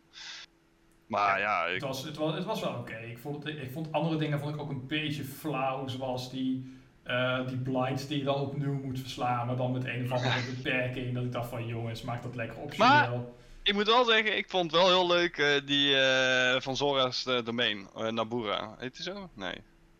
Die water... eh, De Waterblight, ja. Die Die, water- om die nog een keer te verslaan. Ja. Om die nog een keer te verslaan. Dat vond ik wel, eh, die vond ik echt taai. Ja, op master eh, eh, niveau. En dan eh, had je eigenlijk alleen maar een pijl en boog en één speer of zo. En voor de verder had je geen wapens. Ah, ja. Ja, dat was Ja, wel echt, eh, die was echt taai. Kijk, maar dat is een beetje wat ik bedoelde. Kijk, dat zijn leuke eh, uitdagingen voor de diehard, omdat ze jouw dingen afnemen. Maar ik zou het juist tof vinden als ze een manier vinden om de uitdaging te vergroten zonder jouw dingen af te nemen. Dus als ze gaan voortbouwen op de dingen die je hebt. En dat miste ik soms Mm. wel in Breath of the Wild. Want iedere, iedere locatie in Breath of the Wild Ja. moet in zekere zin aannemen dat het jouw eerste locatie kan zijn. En je hebt wel een paar locaties natuurlijk waarin je eh, bijvoorbeeld temperaturen hebt die jou tegenwerken. Eh, in de woestijn is het zowel heet als koud, dus dan moet je het allebei hebben. Dus dat is duidelijk de moeilijkste locatie qua voorbereiding. Dus dat hebben ze op zich wel gedaan, maar ook heel veel locaties, ja, natuurlijk die een beetje, ja, een beetje voortkabbelen. Ja, ga je, ga je naar het noorden of ga je naar het zuiden of ga je naar het westen of oosten naar het Great Plateau? Dat maakt... Moet voor Nee, die gameplay niet uitmaken. maar- En dat zie je inderdaad terug in de design van Ja, die dingen. precies, inderdaad. Dus eh, ik zou het tof vinden als ze dat eh, ja, nog net wat eh, beter maken. Maar goed, dat is denk ik genoeg even voor nu over eh, Tears of the Kingdom. Want eh, ja, we gaan, daar gaan we echt de volgende keer er niet over hebben. we gaan het natuurlijk nog vaker over die game, eh, game hebben. We gaan hem allemaal waarschijnlijk spelen. Dus eh, ja, Ja, het is gewoon nee, een mooie dat, eh, tijd om Zelda-fan eh, te zijn. Over twee, drie weken. Dat, op, onze, op vrijdag altijd wat speel je. Dat, Ja. dat moeten we de komende ma- de maand daarna gewoon aanpassen met waar speel jij Tears of the Kingdom? Wel, wel- welke provincie? Waar ben jij? Waar ben jij met Tears of the Kingdom? Ja, inderdaad. Ja. nee, inderdaad. Eh, dus om even pauze in te lassen, jongens, eh, ga ik niet met mezelf beginnen. Maar eh, Mink, wat speel jij momenteel? Eh, ja, we hebben het eigenlijk Oorlogje, al gezegd. Maar eh, ja, ik ben eh, zeer, eh, zeer veel oorlog aan het voeren op dit moment. En eh, commandant aan het spelen. En eh, dat bevalt me eigenlijk wel dikke prima. Ah, Niet zo heel, ja, ik doe eigenlijk niet zo heel veel andere dingen ah, op dit nee, moment. dat is mooi, dat is mooi. Lekker, lekker, lekker, lekker door oorlog voeren en dan eh, leer, leer ze een lesje. Ja, dat komt goed, dat komt goed. Ik ben nou eh, bijna bij eh, eh, de, het, het Zwarte Van Leger. 2 begonnen, denk ik. Ja, het is van vast 2. Black Hole Army. eh, Ja, ja, precies. Ja, Ja, die ja, moet ja. nou eh, gaan, eh, gaan inmaken. Dus heb, je eh, nog een, eh, heb, je, heb je nog een favoriete eh, CO, Commanding Officer? Nou, ik moet wel zeggen dat. eh, maar ja, trouwens, nee, daar ga ik niet al te diep op in. eh. Ehm, ja, er zijn, eh, er, er zijn er wel een paar die ik heel tof vind. Maar eh, degene die eigenlijk altijd wel wint is eh Grit, heet hij volgens mij. Chris? Grit? Oh ja, ja die heeft die die lange afstands. eh, ja, ja, ja, precies. die- daar kun je zo makkelijk mee winnen. Ja, ja, ja. ja. ja. Hij, hij heeft die, eh, de- daar heb je die raketwagentjes met missiles, zeg maar, en die hebben dan echt een twee keer zo groot bereik. Ja, ja, ja, dat slaat echt nergens op, Ja, weet je wel. Ja. ja, die is wel, eh, die is wel nice inderdaad. Ja. Ja. Ehm, even kijken. En Rick, wat, eh, wat ben jij momenteel aan het spelen? Wat speel ik? Niks, noppes, nada Mitch. Ik heb eh, minder dan 24 uur geleden de endcredits gezien van eh, Phoenix Wright. Oh ja, Trials and Tribulation. bent Dus ik heb. Ik heb de tri- eerste trilogie nou, gisteravond laat afgerond. En wat, wat vond je ervan? Ja, ik heb een beetje een haat-liefdeverhouding met... eh, Vertel. Ik vind hem ergens heel vet. Maar ik heb, ehm, ik heb hem dus echt met een guide ernaast moeten spelen. Gewoon puur omdat ik de logica van wanneer je welke bewijsstukken in zo'n rechtszaak moet inbrengen op welke statements. Ik denk echt af en toe van, jongen, hoe kom je hierbij? Dat moet je toch duidelijk bij die statement twee keer terug eh, al eh invoeren. Ja, kijk, of dan zie ik al een contradiction, of dan denk ik dat ik al iets heb gezien. Ja, ja. En dat Jij- is niet wat ze willen dat je ziet. Ja, jij moet natuurlijk ook als nieuwe speler denk ik heel erg wennen aan de logica van Ace 30. Dat je soms statements moet pressen en soms eh, meer informatie eerst moet krijgen. En soms ja, Maar dat die je- je in de eerste met die, game. Met die, met die, met die logica kettingen en dat soort dingen en zo. Ja, ik kan me wel voorstellen dat het best wel veel is als iemand die dat allemaal voor het eerst eh, speelt. Nou ja, ik heb dus de, alle drie de eerste games van de trilogie. En die zaten in dat pakket wat ik had gekocht. Dus die heb ik Ja. gewoon in één ruk uitges- doorgespeeld. Dat had ik bij de eerste paar cases van de eerste Ja. game. Van dat je denkt dat je echt moet, echt even, moet echt nog even wennen. En in de tweede game komen die Cyclocks erbij. Dus hè, dat is dan één mechanicje dat is toegevoegd. Ja.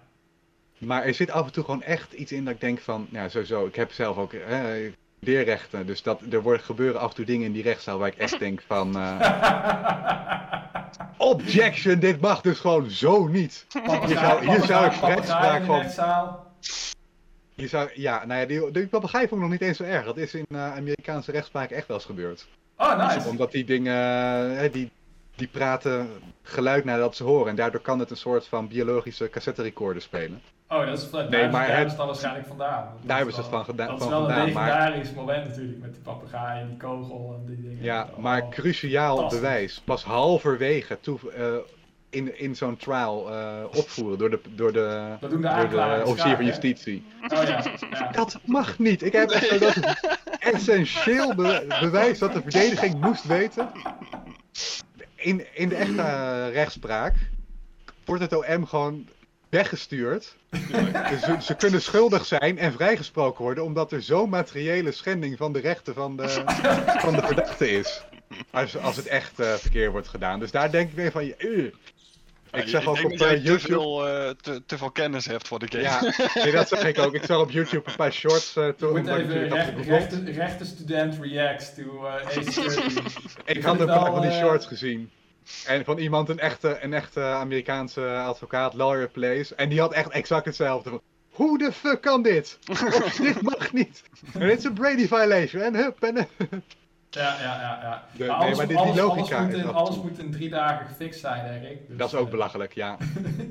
Maar goed, ik snap het vanuit gameplay perspectief Precies, natuurlijk dat dat ja. wel handig is. Welke, wel, welke vond je het vetste, Ace Attorney? Welk, welk deel, ik, eh, twee vragen eigenlijk. Welk deel vond je het vetste en welke zaak is je het meest bijgebleven? Welk deel vond ik het vetste? Ehm, ja, dan zit ik een beetje te- twijfelen of die Cyclox al in die...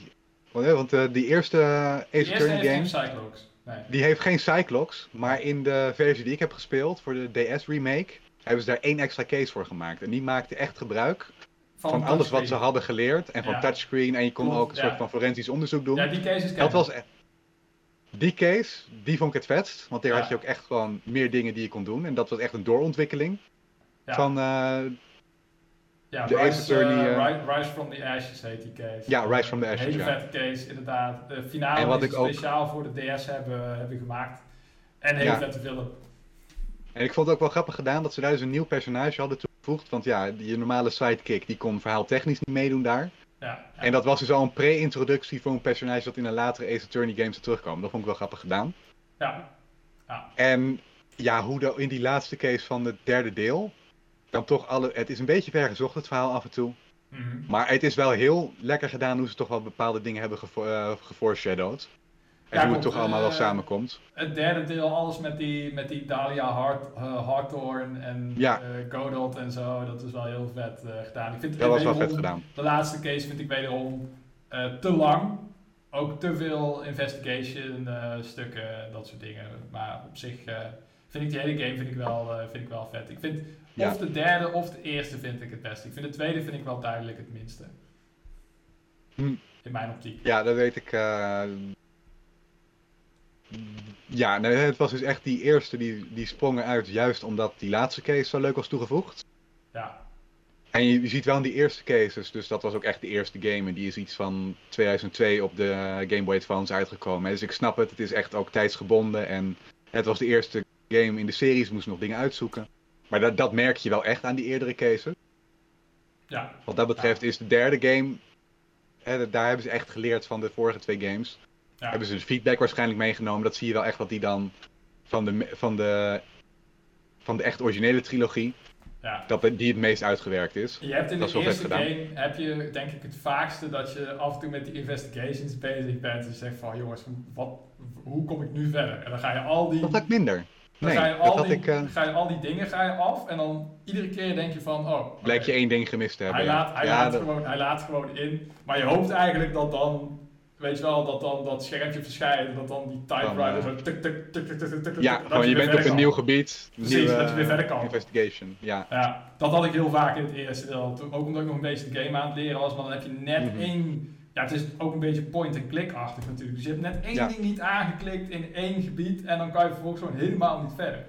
Ja, dat had ik in de tweede of de derde game ergens. Toen had ik Detective Gumshoe, Gumshoe iets moeten presenteren van evidence. En eh, ik dacht echt, nou, als ik dat niet had opgezocht in een guide, dan was ik eh, nu nog bezig. Ja. Ga je ook eh, En, de eh, rest eh, spelen? Nou, daar, dat was dus waar ik ook achter kwam. Eh, ik ben er echt op een perfecte timing achter gekomen. Dat ik de Ace Attorney games, ik heb een beetje haat-liefde verhouding, maar ik vind ze wel vet. Mhm. En ehm, al die 3DS games, wat dus de vervolg eh, zijn, die zijn in het Westen nooit fysiek uitgekomen. Dus die zijn sinds het sluiten van de e-shop Oeh. Fuji. Jeez. dat is niet helemaal waar, want Apollo Ja, je kan ze op. Justice... eh, Nee, Apollo Justice deel 4 is een DS-game. Die is hier wel fysiek uitgekomen. Oké. Al was het maar omdat de DS pas bij de DSi een online store eh, kreeg. Ja, zeg maar, ja. Als het ware. Dus die game kun je wel gewoon Oké. spelen. Deel Ja, ik had 5, ook Dual Destinies en deel 6, Spirit of Justice. mhm. Die zijn wel voor de 3DS. Dus die kan je Ik heb wel gezien.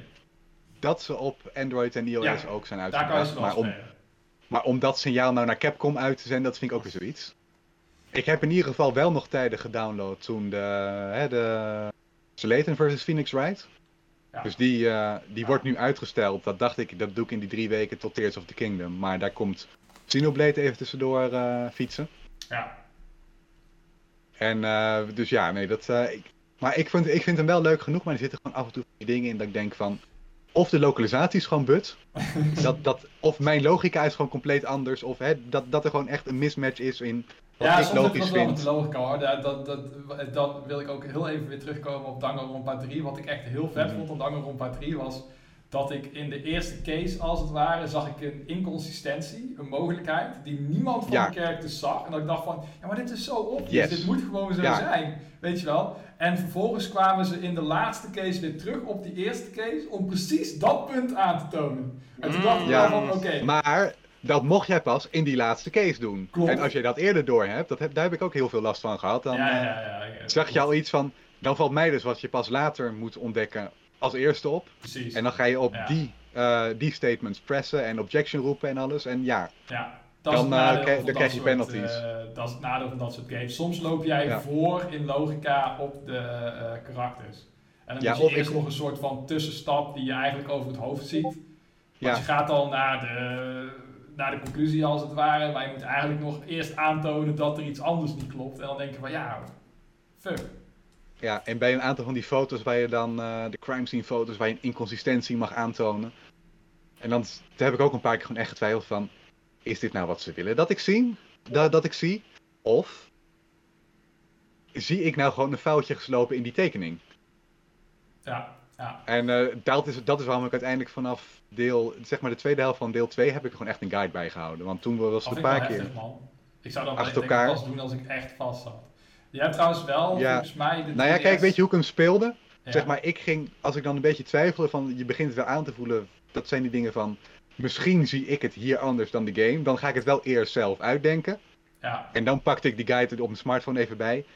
En dan was het toch best heel vaak dat ik denk van, ja, ik zie dus wel de inconsistentie, maar ik had er het verkeerde bewijsstuk bij gevonden, omdat ik dat logischer vind bij een, bij een verkeerd statement of iets. En dat ja, is ja, ja, wat ja. mij de, de lol uit de game had gehaald, als ik dat niet Ja. had gedaan. Ja. En je hebt eh, in, een, eh, in de latere delen, ik weet dat in de Great Age, de Great Age 30 kan, kan je de game op autoplay zetten. Dus als je er echt niet uitkomt en je denkt van ja, maar welk bewijs moet ik nu presenteren? Oké. Ik zit helemaal vast in mijn hoofd, wat wil je nou, wat wil je nou game? Dan kan je gewoon op Mhm. autoplay zetten en dan zie je gewoon die cursor zo tuk tuk tuk, juist bewijs, Ah. Heel nice is dat, dus dat, dat houdt wel de Nou. vaart erin. Heb ik een paar keer moeten gebruiken, niet heel vaak, wel Great. Ace Attorney zat ook in het pakket dat ik toen had aangeschaft, dus die staat ook eh, nog in de backlog dat nu. fantastische games. Die zijn veel Maar beter eh, ik had. ehm, 5 en 6. En ja, 4. ik ben wel blij dat ik voordat ik dan Professor Layton versus Ace Attorney ga spelen. Dat was ook mijn twijfel hè, toen ik hem net nog voor de e-shop sluiting kocht. Van ga ik nu eerst Ace Attorney doen? Want dan ken ik allebei de series. Ja, dat is wel echt een goede keuze geweest, denk ik. Ja. En eh, ik doe het eh, op chronologische volgorde. Dit is dus de eerste trilogie heb je gehad van Ace Attorney. Ja, Volgens het verhaal komt volgens mij daarna ook eh, de crossover met eh Layton. En daarna kun je Ah, weer. eh, ja. of nou ja, misschien Apollo Justice zit er nog tussen, maar die. eh, ja Apollo Justice is deel 4 inderdaad. Ja, die Ja, eh, maar de, die staat weer heel erg los van Phoenix Wright zelf. Nee, zijn allemaal nee, andere- Nee, niet helemaal. hoor. Het is, Oké. eh, ik ga niet Dat had ik gelezen online. Die staat niet helemaal los van Phoenix Wright eh, zelf. Al in, al in de eerste case eh, zul je merken dat dat niet zo is. Maar het is wel duidelijk een vervolg op eh, de originele trilogie. Oké. Dus het speelt zich wel. Het internet heeft mij voorgelogen. Hoe durven ze? Niet de eerste keer dat het internet ons Ja. voorliet. Maar eh, ja, nee, tof om te horen. Je wil je nou niet zeggen echt, dat er eh, allemaal bevallige eh, singles in mijn area zijn die... Daar ga, daar ga ik niet over, Rick. Dan mag je zelf, dan mag je zelf, gaan, eh, dan mag je zelf gaan investigaten. Nee, maar eh, Ace Point Attorney- en klik. Ace Attorney vind ik zelf echt super vet. een van de meest leuke, memorabele game franchises in mijn eh, Ja. optiek. Nou, ik snap wel waarom hij eh, zo aangeschreven staat. En het is Ja. natuurlijk een serie die al vanaf 2002 draait en nog steeds Ja, hè, in ontwikkeling is bij Capcom. Dat, dat is niet zonder reden, dat zie je echt wel. En het, ehm, Het zijn gewoon leuke verhalen, leuke karakters, geweldige muziek, hype momenten. Het is gewoon lekker. Het is zo over af en toe over de top. Maar echt Ja, af en toe iets te hoor. Dat, Als dan wordt wel iets anime te over de spelen, Of uh, Pursuit, eh, de- dat team van...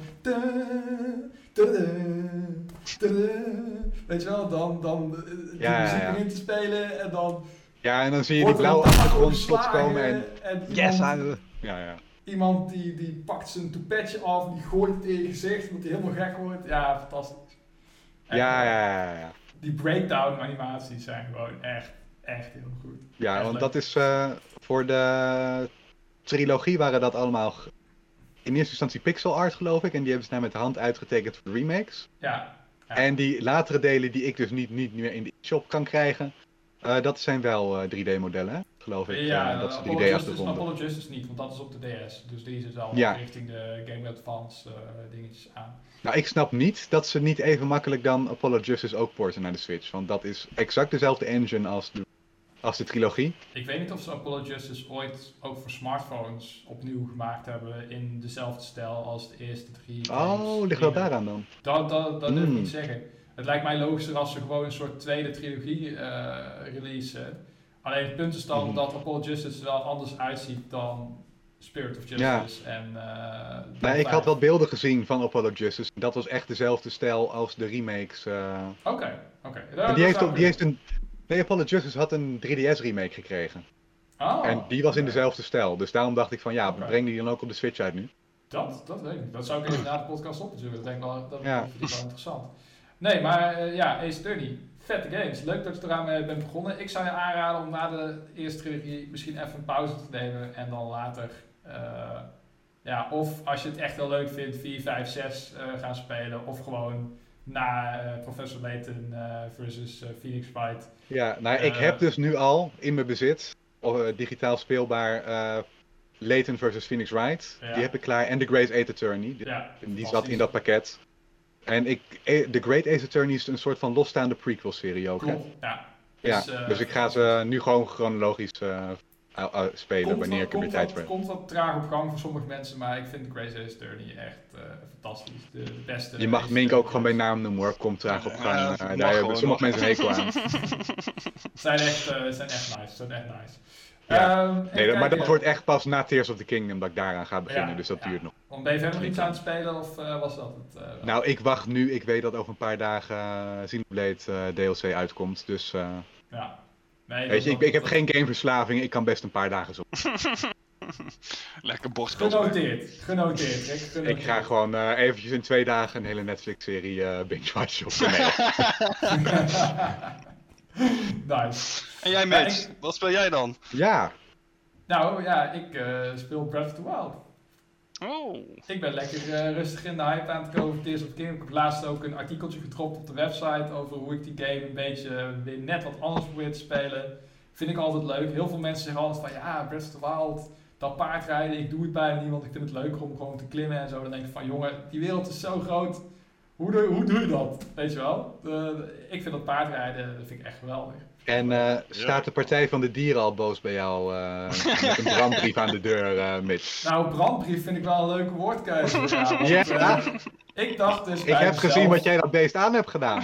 ik, ik dacht dus bij mezelf, ik ga mijn paard meenemen naar Dead Mountain, de vulkaan area. En dat kan eigenlijk niet, want er is een soort van richting. Waarom zou dat nou toch zijn? Er is eigenlijk een soort van verhoging waardoor jouw paard niet op kan. Maar als je een beetje zigzaggend de rotsen oploopt, dan kan je daar voorbij komen. En als je vervolgens je paard een klein beetje op de rand van het ravijn parkeert, dan kan je hem naar beneden laten sliden. Zodat je vervolgens Dead Mountain binnen kan lopen.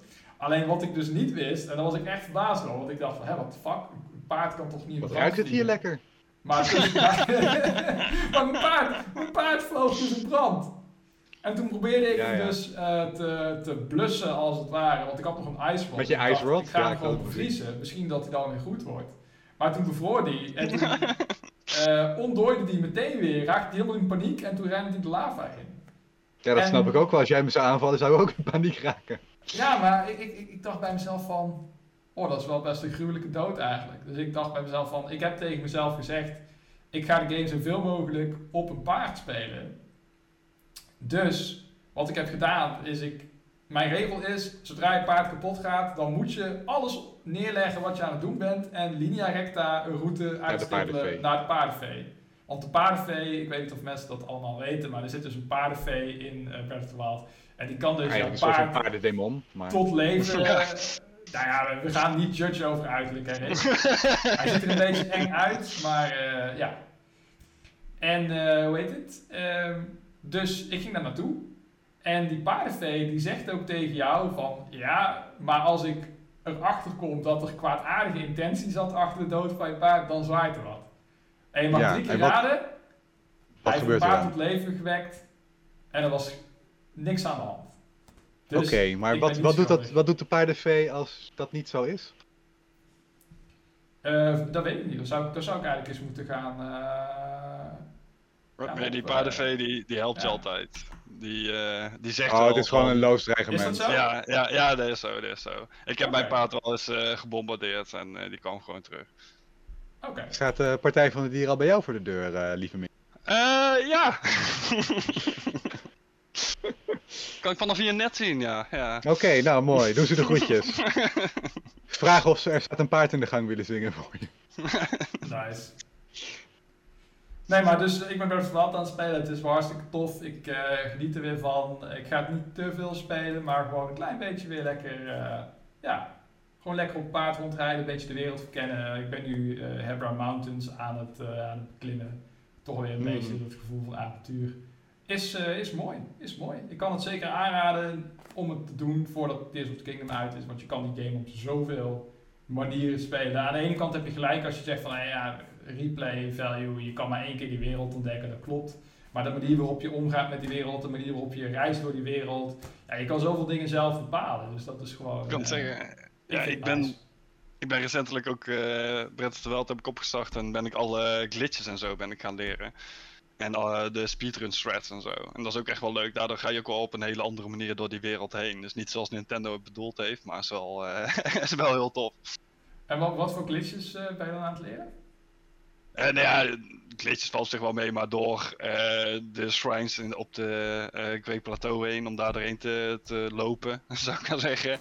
Dat is al, of doorheen te klippen, dat is een hele leuke. Ehm, je kan een bom oppakken eh, op het moment dat je je bow hebt getrokken en zo. Er zaten hele dingen aan vooraf. Dan kun je blijven vliegen. Ik weet niet of dat jullie ooit de speedrun hebben gezien. Ja, maar- ja, ja. die- Ik, eh, Ja, precies, ik heb ja. wel eens van die beelden gezien, ja. Ja, ja, dat vind ik echt geweldig. Eh, ik had dat nooit verder geprobeerd of zo. En toen dacht ik bij mezelf, nou, voor om Tears, in, Tears of the Kingdom in, eh, een beetje in de moer te raken, zal ik dat eens proberen. En eh, zo Hmm. moeilijk zijn ze helemaal niet. Eh, het valt reuze mee, dus eh, zeker oké. aanraden.